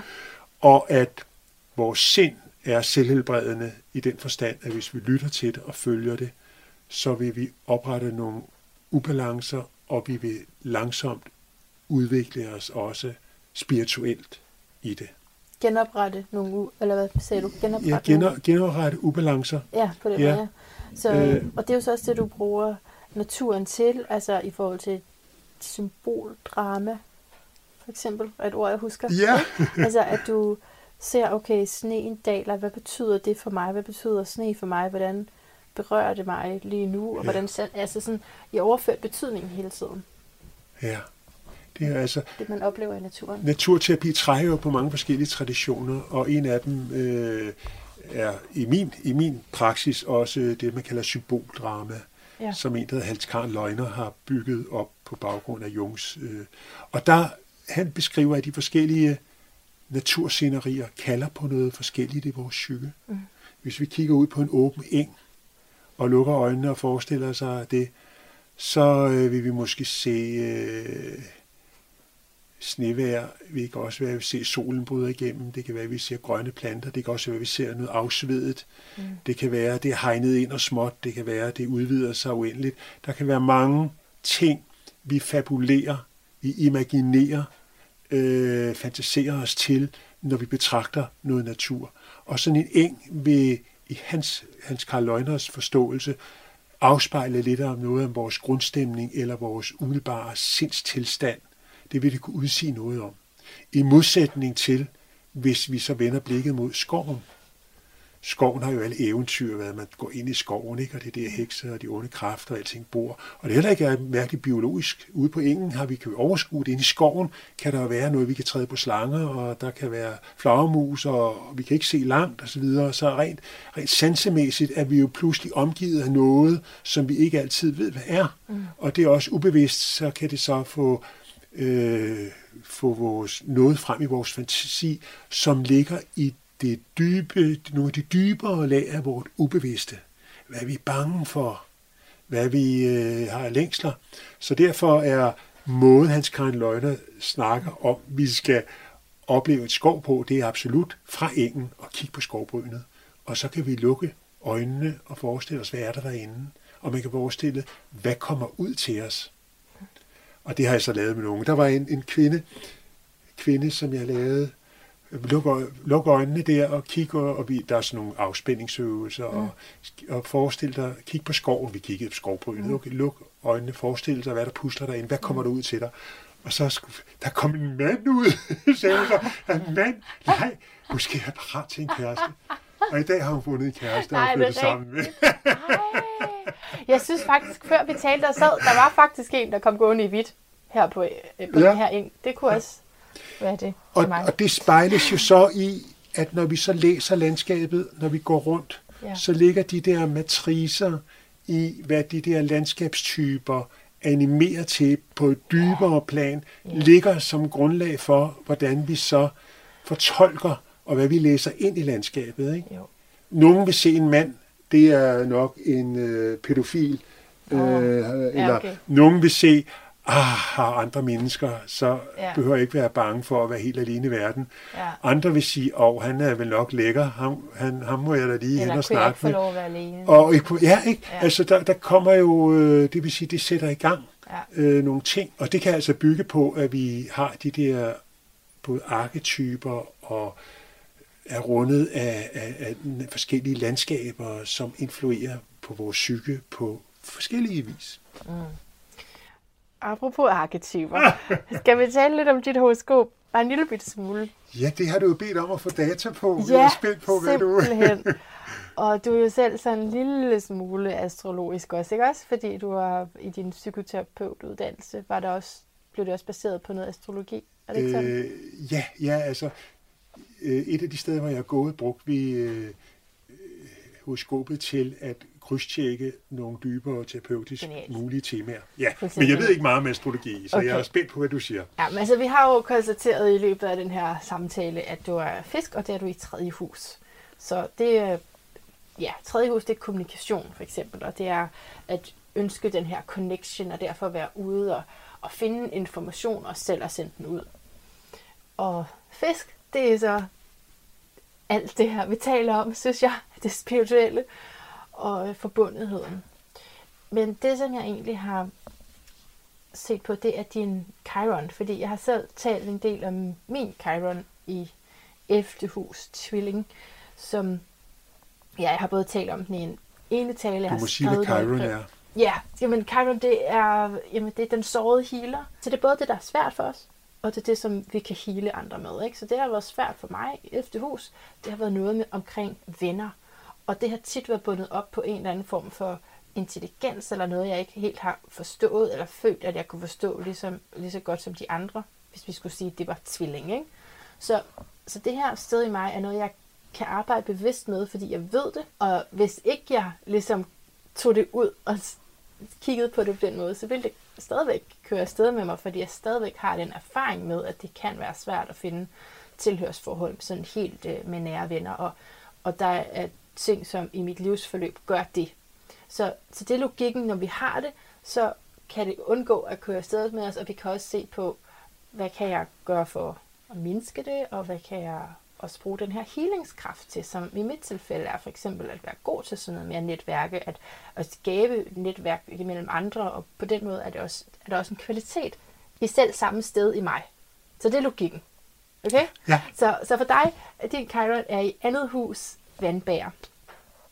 Og øh, jeg har faktisk lige taget sådan et citat fra Melanie Reinhardt, som er hende, der har skrevet, der er flere, der har skrevet om Chiron nu, men hun er så nok den første, der skrev en bog om, om Chiron. Øhm, og i andet hus her, i min oversættelse, der står der, at du identificerer dig med sårede instinkter, den kollektive afvisning af instinkter og vores mishandling af jorden kan du føle personligt. Hvad siger du så? Er det ikke godt? Jo. Dette kan stimulere dig til et sundt forhold til din krop og dens kraftfulde, instinktuelle natur. Jeg synes bare lige, det var så spot on at alligevel tage lige præcis fra, hvad hun havde skrevet. Ikke? Og så når det så er i vandbandstegn, så er det trangen til at reformere verden. Og man kan også opleve selv at blive midlet til kontroversielle kollektive idéer. Øh, Men også evnen til så at reformere kvaliteten af egne overbevisninger. Det er også noget, jeg har fra Melanie Reinhardt her. Så, så jeg synes bare, at den, øh, det er noget af det, vi har talt om. Og plus andet hus er også vores ressourcer. Det er også noget, du taler meget om. øh, i jeg, Ja, ja, bare det, jeg har været sammen med dig i dag, synes jeg, du har talt om ressourcer. Altså, hvad, et, et, da vi var ude i naturterapien der, så spurgte du, hvad, hvad kan du selv, eller hvad kan ressourcen være? Eller, jeg føler, det er noget, du, du taler om, ikke? Hmm. Og det er det der andet hus, som jo altså både er noget, som har været svært for en selv, men som er, faktisk er en kæmpe meningsgivende faktor i ens liv nu, og noget, som man hjælper andre med. Der er jo meget mere at sige om det her smukke horoskop, og jeg tror da også, at din, din øh, skytte er sådan, den hjælper til at opildne mig med mine spørgsmål. Og nu kommentarer. Øh, Jeg er glad for, at du kommer ind med det med ressourcer, ikke? Mm. Øhm, fordi en terapi og en naturterapi, vi er jo ude i naturen, Ja. og det, de oplevelser og de processer der skal jo gerne bindes sammen til det hverdagsliv, man efterfølgende træder ud i. Ikke? Mm. Enten på kort sigt eller lang sigt. Men i hvert fald, naturterapien skal jo ikke bare, i min verden, alene være en restituerende åndehul fra en hverdag, som måske ikke fungerer Right. så hvordan tager vi det med? Øh, hvad har det betydning for den måde, det store spørgsmål, du vil leve dit liv på, eller det små, hvad kan du gøre for at bringe naturen mere ind i din hverdag? Ja. Øh, hvad er det første skridt? Og der skal vi ikke sætte os større mål, end vi har ressourcer til. Fordi hvis vi siger, ja, men fra i morgen af, så vil jeg gå tur hver dag, og så får man det ikke gjort, Nej. og så har man endnu en ting, man kan bebrejde sig selv. Ja, det er rigtigt. Så hvor er ressourcen, hvis man bliver enige om, jeg vil, være, jeg vil gå en tur hver dag, minimum en halv time. Ressourcen kan være at få en hund, ikke? Den skal Ja. luftes. Ja. Ressourcen kan være, at man finder ud af at lave nogle rigtig sjove ting med ens børn, så de efterspørger, skal vi ikke ud, mor? Ja. Øh, fordi øh, der er så sjovt nede ved mosen, øh, og kan du huske sidst vi fangede? Ressourcen kan være, at man øh, committer sig socialt til at tage ud med nogle venner, og nogen øh, har lyst til at lave bål og lave mad over bål og sove ude. Øhm, ressourcen kan også øh, være, at, at man oplever at være på i naturen på nogle måder, som man føler sig lavet op. Du snakker om glæden, at det vækker glæde at være ude. Okay, så må jeg jo, så er det måske ikke den der hårde løbetur, som, som jeg tvinger mig selv til, jeg altid skal, Nej. men nogle andre måder at være, så jeg kan mærke glæden, så at det opfylder nogle, et, et dybt behov for mig. Øh, Man har direkte lavet sådan noget som ryge, rygeafvendingskurser i naturen, hvor man pludselig finder ud af, at det behov for at ryge, det kan jeg jo få opfyldt øh, ved at være i naturen. Så tænker jeg ikke lige på røgen, og jeg kan være sammen med nogle andre om det, der heller ikke vil ryge. Og så får man flyttet nogle uhensigtsmæssige vaner over til nogle positive, fordi det giver en glæde, og man finder ressourcerne til at, at, at gøre det. Og det igen kan jo gøre, give ressourcer til, at man finder nogle nye meninger med livet, at man har et overskud til også at begynde at leve bæredygtigt, eller involvere sig politisk, eller har overskud til sine børn, det man vil give videre til dem, så, vi, så er der en videregivelse af, at ens eget overskud, glæde, dannelse, viden til nogle andre. Så derfor er det med ressourcer vigtigt. Når du lige siger det der til sidst, ikke, med at man så får overskud til at leve bæredygtigt, kan du følge mig i, at det kan være uoverskueligt at passe på jorden, hvis at det, jeg skal passe, altså hvis jorden kræver noget, som går imod mine egne behov. Ja. Det, er jo, det, det kan jeg godt. Ja. Hvis vi har en grundangst, at det her går aldrig. Hvis vi i vores hvis vi mangler en tryghed ved livet, så skal der jo ikke meget til, at vi skælver ned igennem, fordi det, det pirker til vores grundlæggende angst ved at være i den verden. Og så virker det fuldstændig overskueligt. Hvis vi har givet vores børn noget godt solidt at stå på, hvis vi selv har arbejdet terapeutisk med os selv, så vi er godt grundfæstet i os selv, så at vi kan se på tingene uden at vi inde i os selv får vækket alle mulige ubehagelige ting, så kan vi jo handle anderledes i forhold til det. Jeg bilder mig ind, jeg bilder mig, jeg bilder mig ind, at jeg godt kan se på verdens armod og bevare humøret. Altså, øh, yeah. for, også fordi, øh, og en del af det er også erkendelse af, at jeg kan jo ikke leve uden at det går så en tredje på andre. Her spiser vi noget groft brød og nogle gamle kornsorter, men de er jo dyrket på marken.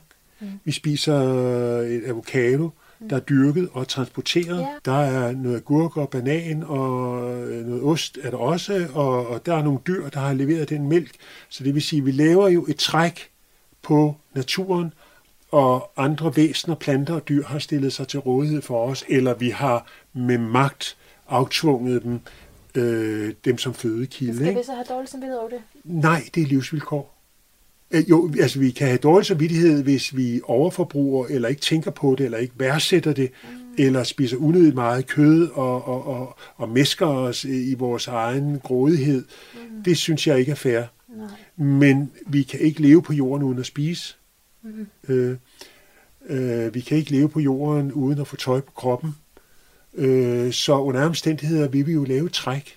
Men vi kan gøre det med taknemmelighed, og vi kan gøre i bevidsthed om, at vi er et kredsløb, at vi også giver noget tilbage, at vi også giver plads til naturen, at vi værdsætter naturen, at vi har en høj øh, etisk, øh, dyreetisk måde, at vi ikke forbruger mere end nødvendigt. Øh, så, og, og vi kan jo være omhyggelige øh, med affaldssortering. Øh, vi, altså, der er rigtig mange ting, vi kan, vi kan gøre. Og hvis jeg gør det, som jeg ser mig i stand til, øh, så har jeg gjort mit bedste. Mm. Og vi kan ikke gøre mere end vores bedste. Mm. Og jeg vil også forråde livet, mm. hvis ikke jeg prøvede at forfølge glæden og lysten og spontaniteten, mm. øh, livfuldheden. Altså det skylder vi livet at leve det mm. med, med, med glæde og mm. øh, altså så og det at gå i mismod er ikke tjenligt, og det er også ødelæggende for vores, vores egen krop. Ja.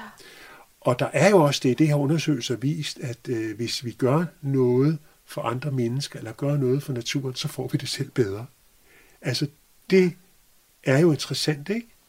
At hvis vi virkelig skal have det godt, så skal vi føle, at vi har, betyd, at vi har betydningsfulde for andre mennesker eller andre dyr, hvis vi kan indtænke dem, ja. at vi har gjort noget godt for dem, så får vi en fornemmelse af, yes, altså øh, jeg kan se mig selv i øjnene, jeg kan glæde mig på deres vegne, jeg er en del af en helhed, som tager, jeg tager vare på, og det tager vare på os. Jeg er ikke adskilt fra verden. Øh, jeg kan læne mig ind i en, en tryg glæde, samhørighed og dele øh, livet med andre. Ikke? Altså, så giver det en fylde. Og det er jo det, man skal opdage.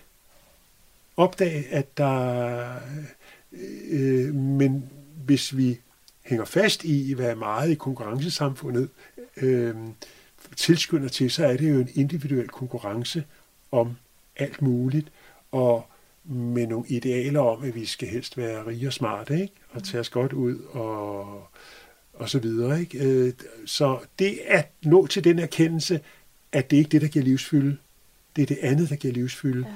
det er jo en, en vigtig proces, men det er ikke noget, jeg Altså det er jo noget, man, man selv skal opdage. Ja, og så plus at i hele grunden til, at jeg fandt dig nu, ikke, er den tid, vi lever i. Så kollektivt er vi også i en tid, hvor der kommer til at ske store forandringer. Det kan vi godt forvente. Ja. Så må ikke flere og flere søger den her vej. eller bliver konfronteret på en eller anden måde, i hvert fald med deres, vores livsførelse. Det synes jeg er en helt central, for det er jo det, der giver mening for både dig og mig, tror jeg, Ja. at vi har en tro på, at flere og flere vil melde sig som nogen, der gerne vil tage vare på kloden. Ja. At vi kun med vores eget spinkle og fumlende eksempel kan inspirere til nogle ting, at vi kan lade os inspirere til andre, og flere og flere både ser nødvendigheden af det og meningsfuldheden i det. Og det er jo altså, at havet består af dråber. Så jo flere dråber, der får øh, den der hjertevarme gyldne farve, eller hvad det er, i havet, jo mere skifter vi havet tone. Ikke? Og det er jo det, der er sæt sin lid til. Ja, simpelthen. Jeg skal jo høre det her til sidst, om du har en lyd af et bedre liv, Lasse. Men jeg kan godt fortælle dig, at jeg synes, det er svært at skulle stoppe med at tale med dig, fordi det er, det er simpelthen så godt, og det, øhm, jeg føler virkelig, at jeg har fået det, jeg kom for. Ikke fordi det var så specifikt, men det, er, det det var lige præcis det her, jeg, jeg ønskede skulle ske. At vi har fået nogle flere forklaringsmuligheder. Nå, tak. Inden vi kommer til lyden, hvad det Ja. så end er, Ja. så er det jo vigtigt, at, at det her er jo ikke naturterapi, vi har i spil. Nej. Det, det er rigtig vigtigt at sige. Mhm. Jeg, du har spurgt ind til mig, og jeg Ja. fortæller om min verden. I naturterapi er det jo altid klientens Ja. verdensbillede, forståelse, vi undersøger udgangspunktet i dyb respekt for, at vi er, som vi er. Vi tænker, som vi tænker, og der er, vi, vi fagner med kærlighed og vokser det sted, hvor vi står fra. Og det er dybt respekt for alle menneskers ligeværd. Så, Og- og så det, jeg det er rigtig, rigtig vigtigt. Ja. Men her har du altså bare givet mig lov for fuld udblæsninger Ja. og spytte ud med, med, hvad jeg selv går og tænker. ikke? Ja, ja, præcis. Ja. Ja, Og en lyd, hvad mener du med en lyd? ja, hvad mener jeg? Altså, det er bare sådan et standardspørgsmål, fordi det er jo hedderlyden af et bedre liv. Ja. Så måske du bare kan finde et svar, som Er det et svar, eller er det simpelthen en lyd, en tone? det, du, det bestemmer du helt selv. Nej, lyden af et bedre liv. Jeg har lyst til at sige, ah, Ja. Ja. ah, Så når man ligger i naturen og ser op på himlen. måske. ja. Mm. Det at øh, nyde Mm. glæden, Ja. kærligheden, tiltroen til livet, Mm. håbet, og give sig lov at acceptere, at vi er, hvor vi er. Ja. Og at vi finder de veje, der åbner sig, og vi træffer de bedst mulige valg ud Mm. fra det, vi er i stand til. Ja. Og så med glæde ser, hvordan andre mennesker, dyr, planter er livfulde organismer, der beriger vores tilværelse. Jeg er klar. Jeg er simpelthen så klar. Jeg er jo gået af de sociale medier, som jeg fortalte dig. Så nu er jeg klar Til det? til den virkelige verden, til naturen, til livfuldheden, ja. og måske også til, til det der med dyr. Ja. Rigtig god fornøjelse. ja. Tusind tak, Lasse, for det her fantastiske interview. Virkelig dejligt. Mange tak. Åh, oh, det er en fornøjelse. Tak. Jeg skal faktisk have, jeg skal have en hund, Nå, og min søn bestemt, når jeg får et sted at bo. ja. Når jeg, når jeg får et sted at bo, så skal, jeg- så skal vi have en hund. Mm. Det er mit løfte. Nå. Hvad skal det være for en? Ja, det, han har valgt en. Af hjertet tak, fordi du har lyttet med til denne her. Virkelig dejligt, at du har været med os hele vejen. Hvis du faldt i søvn, så synes jeg, at du skal gå tilbage og lige tage timerne her også som vågen.